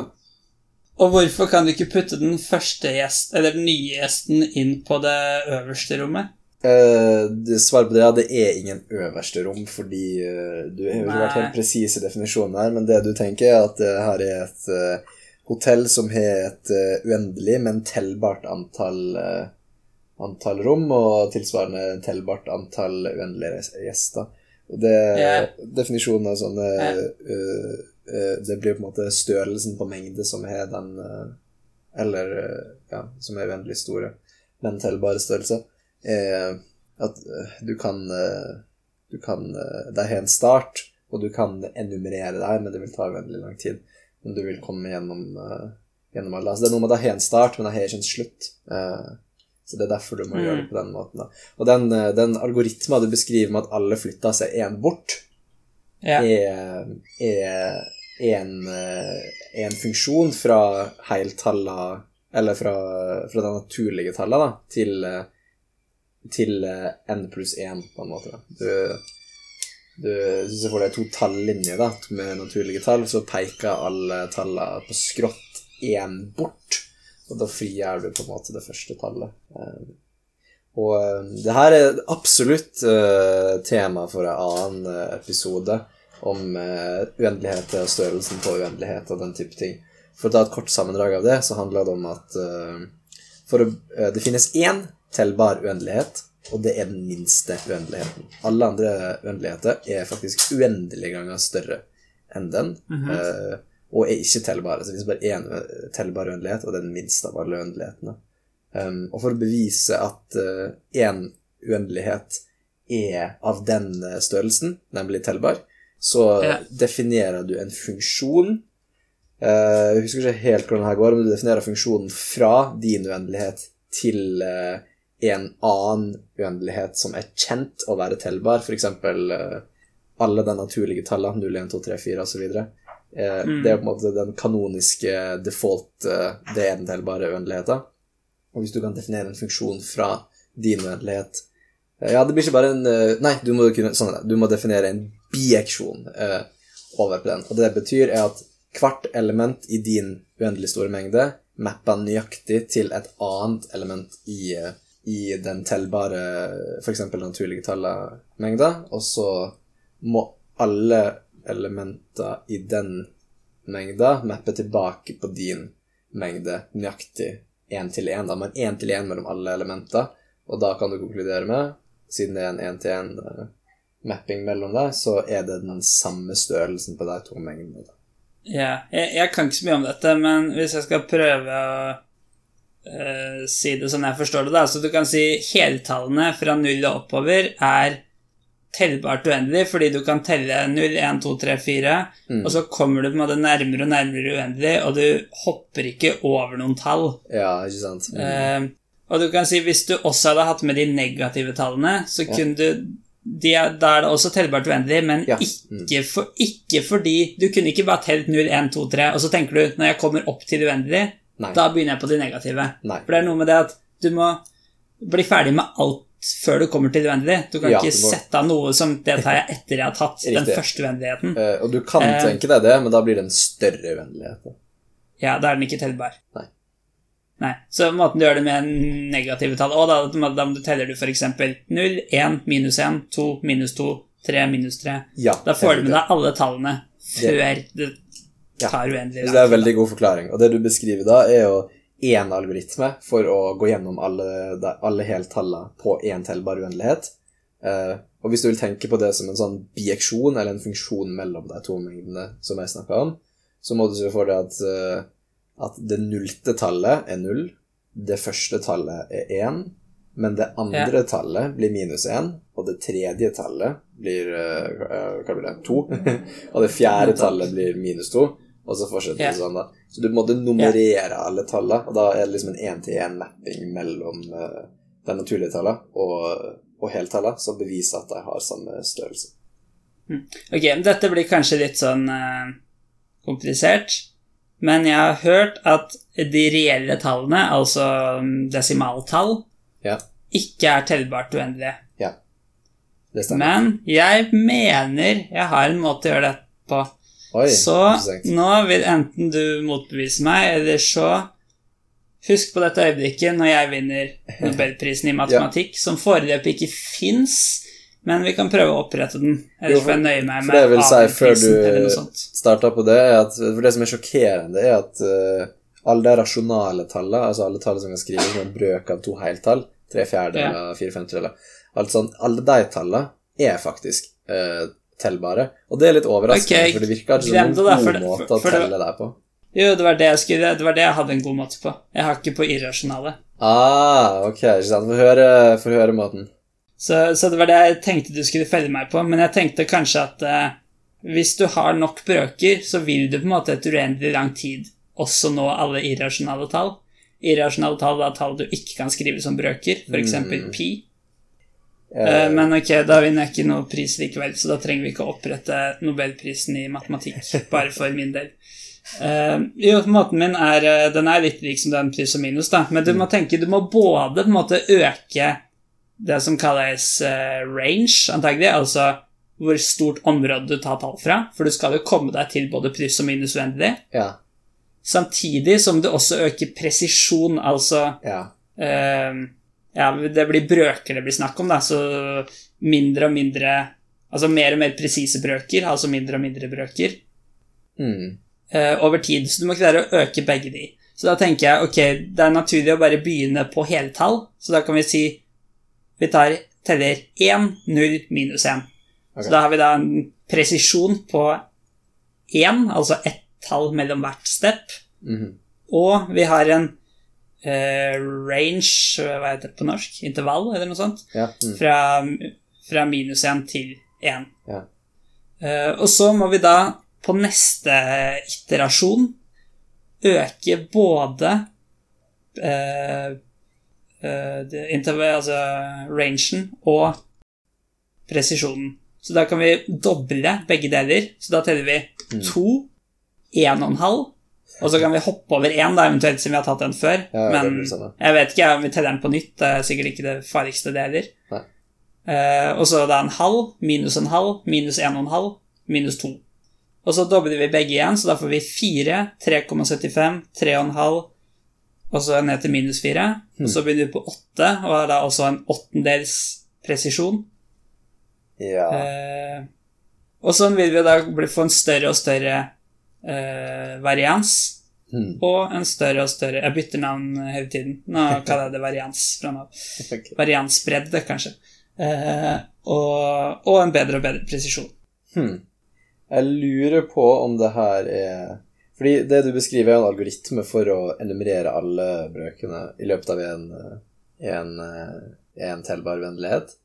Um, men det er også en måte å se på På den andre måten å se på det på, er jo at du, du, du konstruerer en eller annen eh, bijeksjon da, mellom det naturlige tallet og, eh, og eh, brøkene. Og det er jo sånn samme som med he- i stad. Det finnes flere måter å gjøre det samme på. Det vil si det finnes flere bijeksjoner eh, som alle er like gyldige, for de viser jo det samme. Um, yeah. så den eneste måten jeg har hørt om at, å enumerere uh, brøkene på Jeg jeg har lyst til å forklare den til deg, og så høre om du, om du synes det er det samme som det du forklarte nå. Um, ja ok. Ja. For jeg lurer litt på om det er det, men jeg ser ikke helt. Så den måten går Nei. på da, er at du definerer et uh, kartesisk koordinatsystem, en x-akse og en y-akse, Mm. og ser for deg det, og så, start, og så tenker du at uh, brøken vår er tallet y delt på x. Um, og for å gå gjennom alle brøkene, så starter du da i origo, og så fokuserer vi bare på den første kvadranten, positiv x og positiv y. Um, og så bare Ja. går du i et sånn sikksakk-mønster, altså så du går bort til x er lik 1. Um, I en spiral? eh, nei, nei, nei. Eh, Ok. Jo, det, det hadde kanskje blitt det samme, bare i en annen rekkefølge. Men du går bort Ja, ok. til, til x er lik 1 på, uh, på y er lik 0. Og så går Mhm. du opp til venstre til uh, y er lik 1, x er lik 0. Eh, Ja, og, så, okay. og så går du et, yeah. et, lite steg opp til liksom neste y. Og så går du på skrå nedover til høyre, da, helt til du treffer x-aksen igjen. Så går du litt langs x-aksen, og så begynner du å gå opp til venstre på skrå. Og, og på den måten så skraverer du hele den kvadranten, da. Og da vil du eh, i løpet av én tellbar uendelighet eh, ha truffet alle kombinasjoner av, eh, av y og x. Da får du kanskje bare de positive eh, rasjonale tallene jeg tenker meg om, men du kan sikkert Ja, gjøre en det- sånn veksling for å få den negative også. Ja. Uh, ja, eh, jeg skjønner hva du mener. Min umiddelbare tanke er at jeg tror ikke det blir helt samme, for nå får du vel f.eks. med ganske tidlig en tredjedel. Ja, det gjør du nok, ja. Gjør du ikke det? Jo, jo, På min måte så får du ehm, Ja, det er litt interessant. På min måte får du egentlig ikke med det, for du, du tar bare en toendedel, en fjerdedel, en åttendel, en sekstendel. Mm. Men så, så min påstand er jo at når du etter hvert kommer ned mot uendelig presisjon, Mm. så vil du i hvert fall få tilnærmet en tredjedel. Ja, men det synes ikke jeg er godt nok, for det kunne du også ha brukt til å argumentere for at du får tilnærma deg irrasjonale taler, men du, du, du når jo aldri Mm. deg. Eh, Så det synes ikke jeg er godt nok. Nei, nei, ja, det var jo det som var argumentet mitt for irrasjonale, for du kan Mm. si du har uendelig lang tid på deg. Og, så det vil sånn sett konvergere, hvis det blir riktig ord å bruke, perfekt til slutt. Jeg, jeg tror ikke jeg aksepterer det, altså. Eh, Men jeg ser godt men selvfølgelig konvergerer jo det og nærmer seg det irrasjonale taler. Eh, Som er jo sånn vi kan tilnærme oss irrasjonale tall med større og større både teller og nevner i, i brøkene. Ja. Men altså, du kan lett fikse min metode til å til å bli sånn ved at du i stedet for at du dobler presisjon og eh, range, som jeg har byttet tilbake til å hete nå, eh, hver gang, så tar du bare og øker med én. Ja. Mm. Så du begynner med 1, 0 minus 1, og så 2, en, det blir Ja, likt, ja, men så går det opp til 3, og så 2 Ja. og to tredjedeler. Og, og det er det jeg lurer på, om det her blir det samme som den skreveringsmetoden.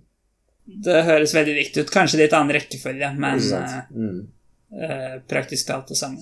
Ja, men det, det her var veldig gøy. Jeg tror det her må være en egen episode. Her er det mye å utforske av uh, matematisk moro. Jeg har lyst til å slutte snart, hvis ikke blir det så fryktelig mye å redigere. Ja, ja. Og konklusjonen her eh, må jo være da at det her er ikke et para paradoks, det er bare vanskelig å skjønne, men det er sant. Ja, in Infinite uh, Hotel. Yes. Mm. Men, men du kan også si at i virkeligheten så har det ikke noe praktisk betydning, for du kan ikke ha uendelig mye av noe. Eh, det- Kan ikke man det? Kan ikke man det? Kan ikke man det? For å bevise at det ikke går an å ha uendelig mye av ting i virkeligheten, så må du faktisk eh, vise meg et paradoks uh, som, uh, som hadde oppstått hvis det hadde vært mulig, for at jeg skal akseptere det. Det tror jeg ikke jeg får til. Men, men uh, bare for å ta ferdig dette paradokset, da, for det er noen flere tilfeller yeah. hvis du, har, hvis du har mer enn én gjest, altså generelt én gjester, f.eks. ti, da gjør du det samme bare ved å forskyve alle ti plasser i stedet. Yep. Men hva hvis det kommer uendelig mange gjester? Eh, ja Tellbart, tellbart uendelig mange gjester. Ok, så det er jo veldig viktig at du definerer det som tellbart eh, uendelig mange gjester.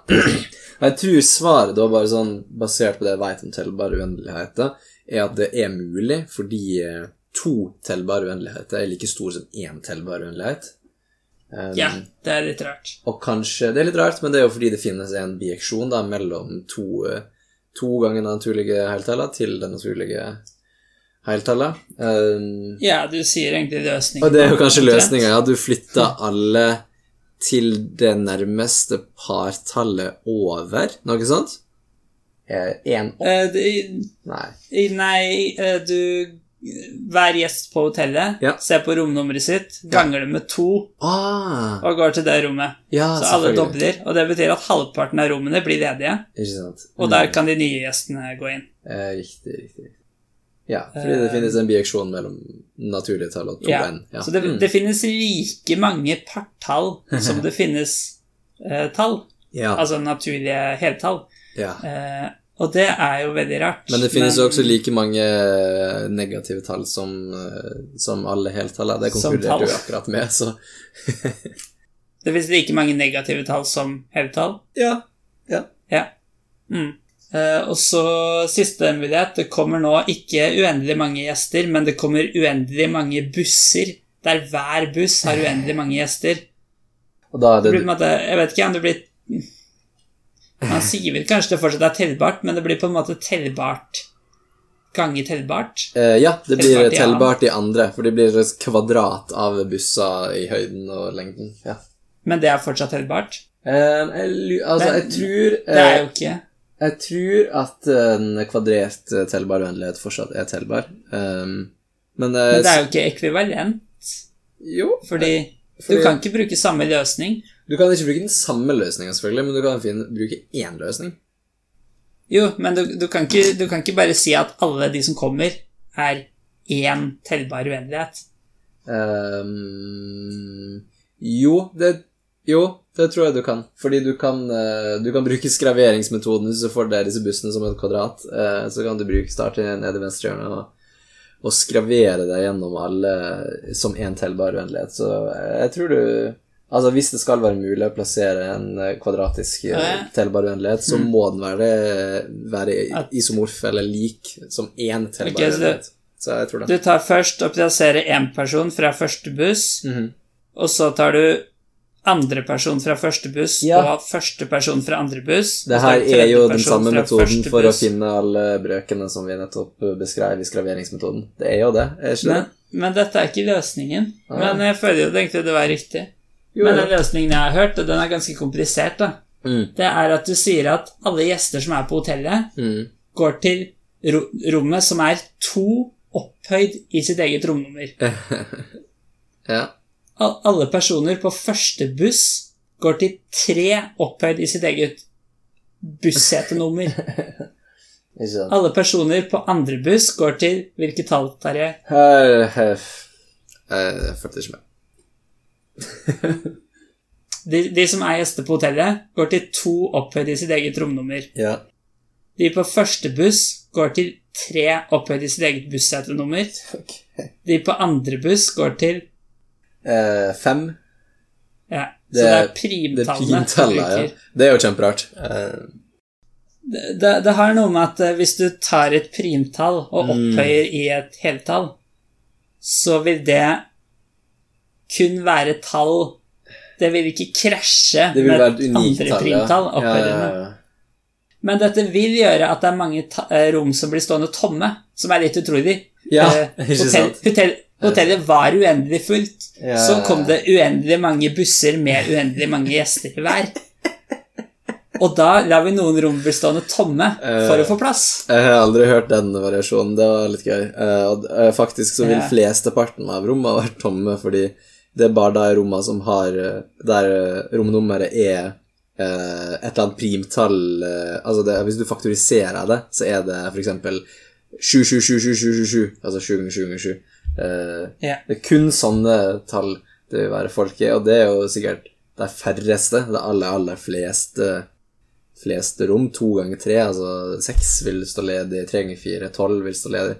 Alle de yeah. tallene vil stå ledig. Det, det blir mer tomt av det skjer. al- al- alle tall som faktoriseres slik at de består av mer enn et uh, unikt uh, primtall. Ja. Mm, ikke sant. For det, det har jo noe med det Jeg, husker ikke hva det, det prinsippet heter, men det er et sånn matematisk prinsipp at når du faktoriserer tall, Ja. altså finner ut hvilke primtall du må gange sammen for å få det tallet, så er det forskjellig for alle tall. Det er unikt, ja. Det er aritmetikkens fundamentalteorem. Ja. ja det, ok, det at det, det at det er eh, Det er jo ikke så overraskende at det er forskjellig for alle tall. Det hadde vært rart hvis du kunne gange sammen de to samme tallene og få to forskjellige ting. Eh, Det, det som er mer rart, er at du ikke kan faktorisere På et tall forskjellige på to måter. forskjellige ja. måter. Ja, for du kan jo eh, Det heter å partisjonere, hvis du deler opp eh, i måter du kan plusse sammen tall for å få et annet tall på istedenfor å gange. Og det går på mange måter. Ja, eksempel hvis vi tar 12, så kan du både ta 2 pluss 2 pluss 8, og du kan ta 5 pluss 7. Mm. Mens ganger så er det kun 3 pluss eh, Nei, 3 ganger 2 ganger 2. Ja.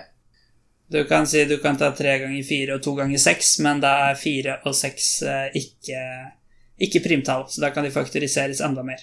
Når du kun har én primtall, da er det bare én måte å gjøre det på, og det gjelder alle heltall, eh, og er litt rart, syns jeg. Hva var det du kalte det? Aritme- Aritmetikk. Eh, si det, du. Aritmetikkens fundamentalteorien. Ja, okay. Ja, Det, Da har vi gått gjennom de paradoks... Ja, vær så god. det var en veldig ny og gøy måte å, å konstruere den eh, funksjonen fra på en måte, la oss si n i andre til n på. Eh, bare for å ta det raskt, da, for å, hvis du vil ha en, eh, en sekvens med busser som blir umulig å fylle opp i det tellbart uendelig store hotellet, så er det i stedet for Ja. å si tellbarhet er opphøyd i to, sånn som vi gjorde nå, så kan du snu det og si to opphøyd i, eh, i den tellbare uendeligheten. Eh, Så det blir sånn eksponentiell greie istedenfor kvadratisk. da. Og da får du en, eh, en eh, mye større uendelighet som ikke er tellbar. Jeg veit ikke helt hva det vil Ok. eh, tilsvare i busseksempelet. Det blir veldig vanskelig å se for seg to ganger to ganger to, liksom. Sånn en uendelig, en tellbar Det kommer to opphøyde i uendelig mange busser. Ja, så jeg vet ikke hvordan man ser for seg det sånn geometrisk eller grafisk. Hver buss deler seg i to uendelig mange ganger, eller noe sånt. Uh... Hvis du deler noe, da får du to opphøyde i noe, på en måte. Hæ? Hvis du deler en buss i to, og så Mm. deler du hver del i to igjen, så gjør du det tre ganger, eksempel. Ja.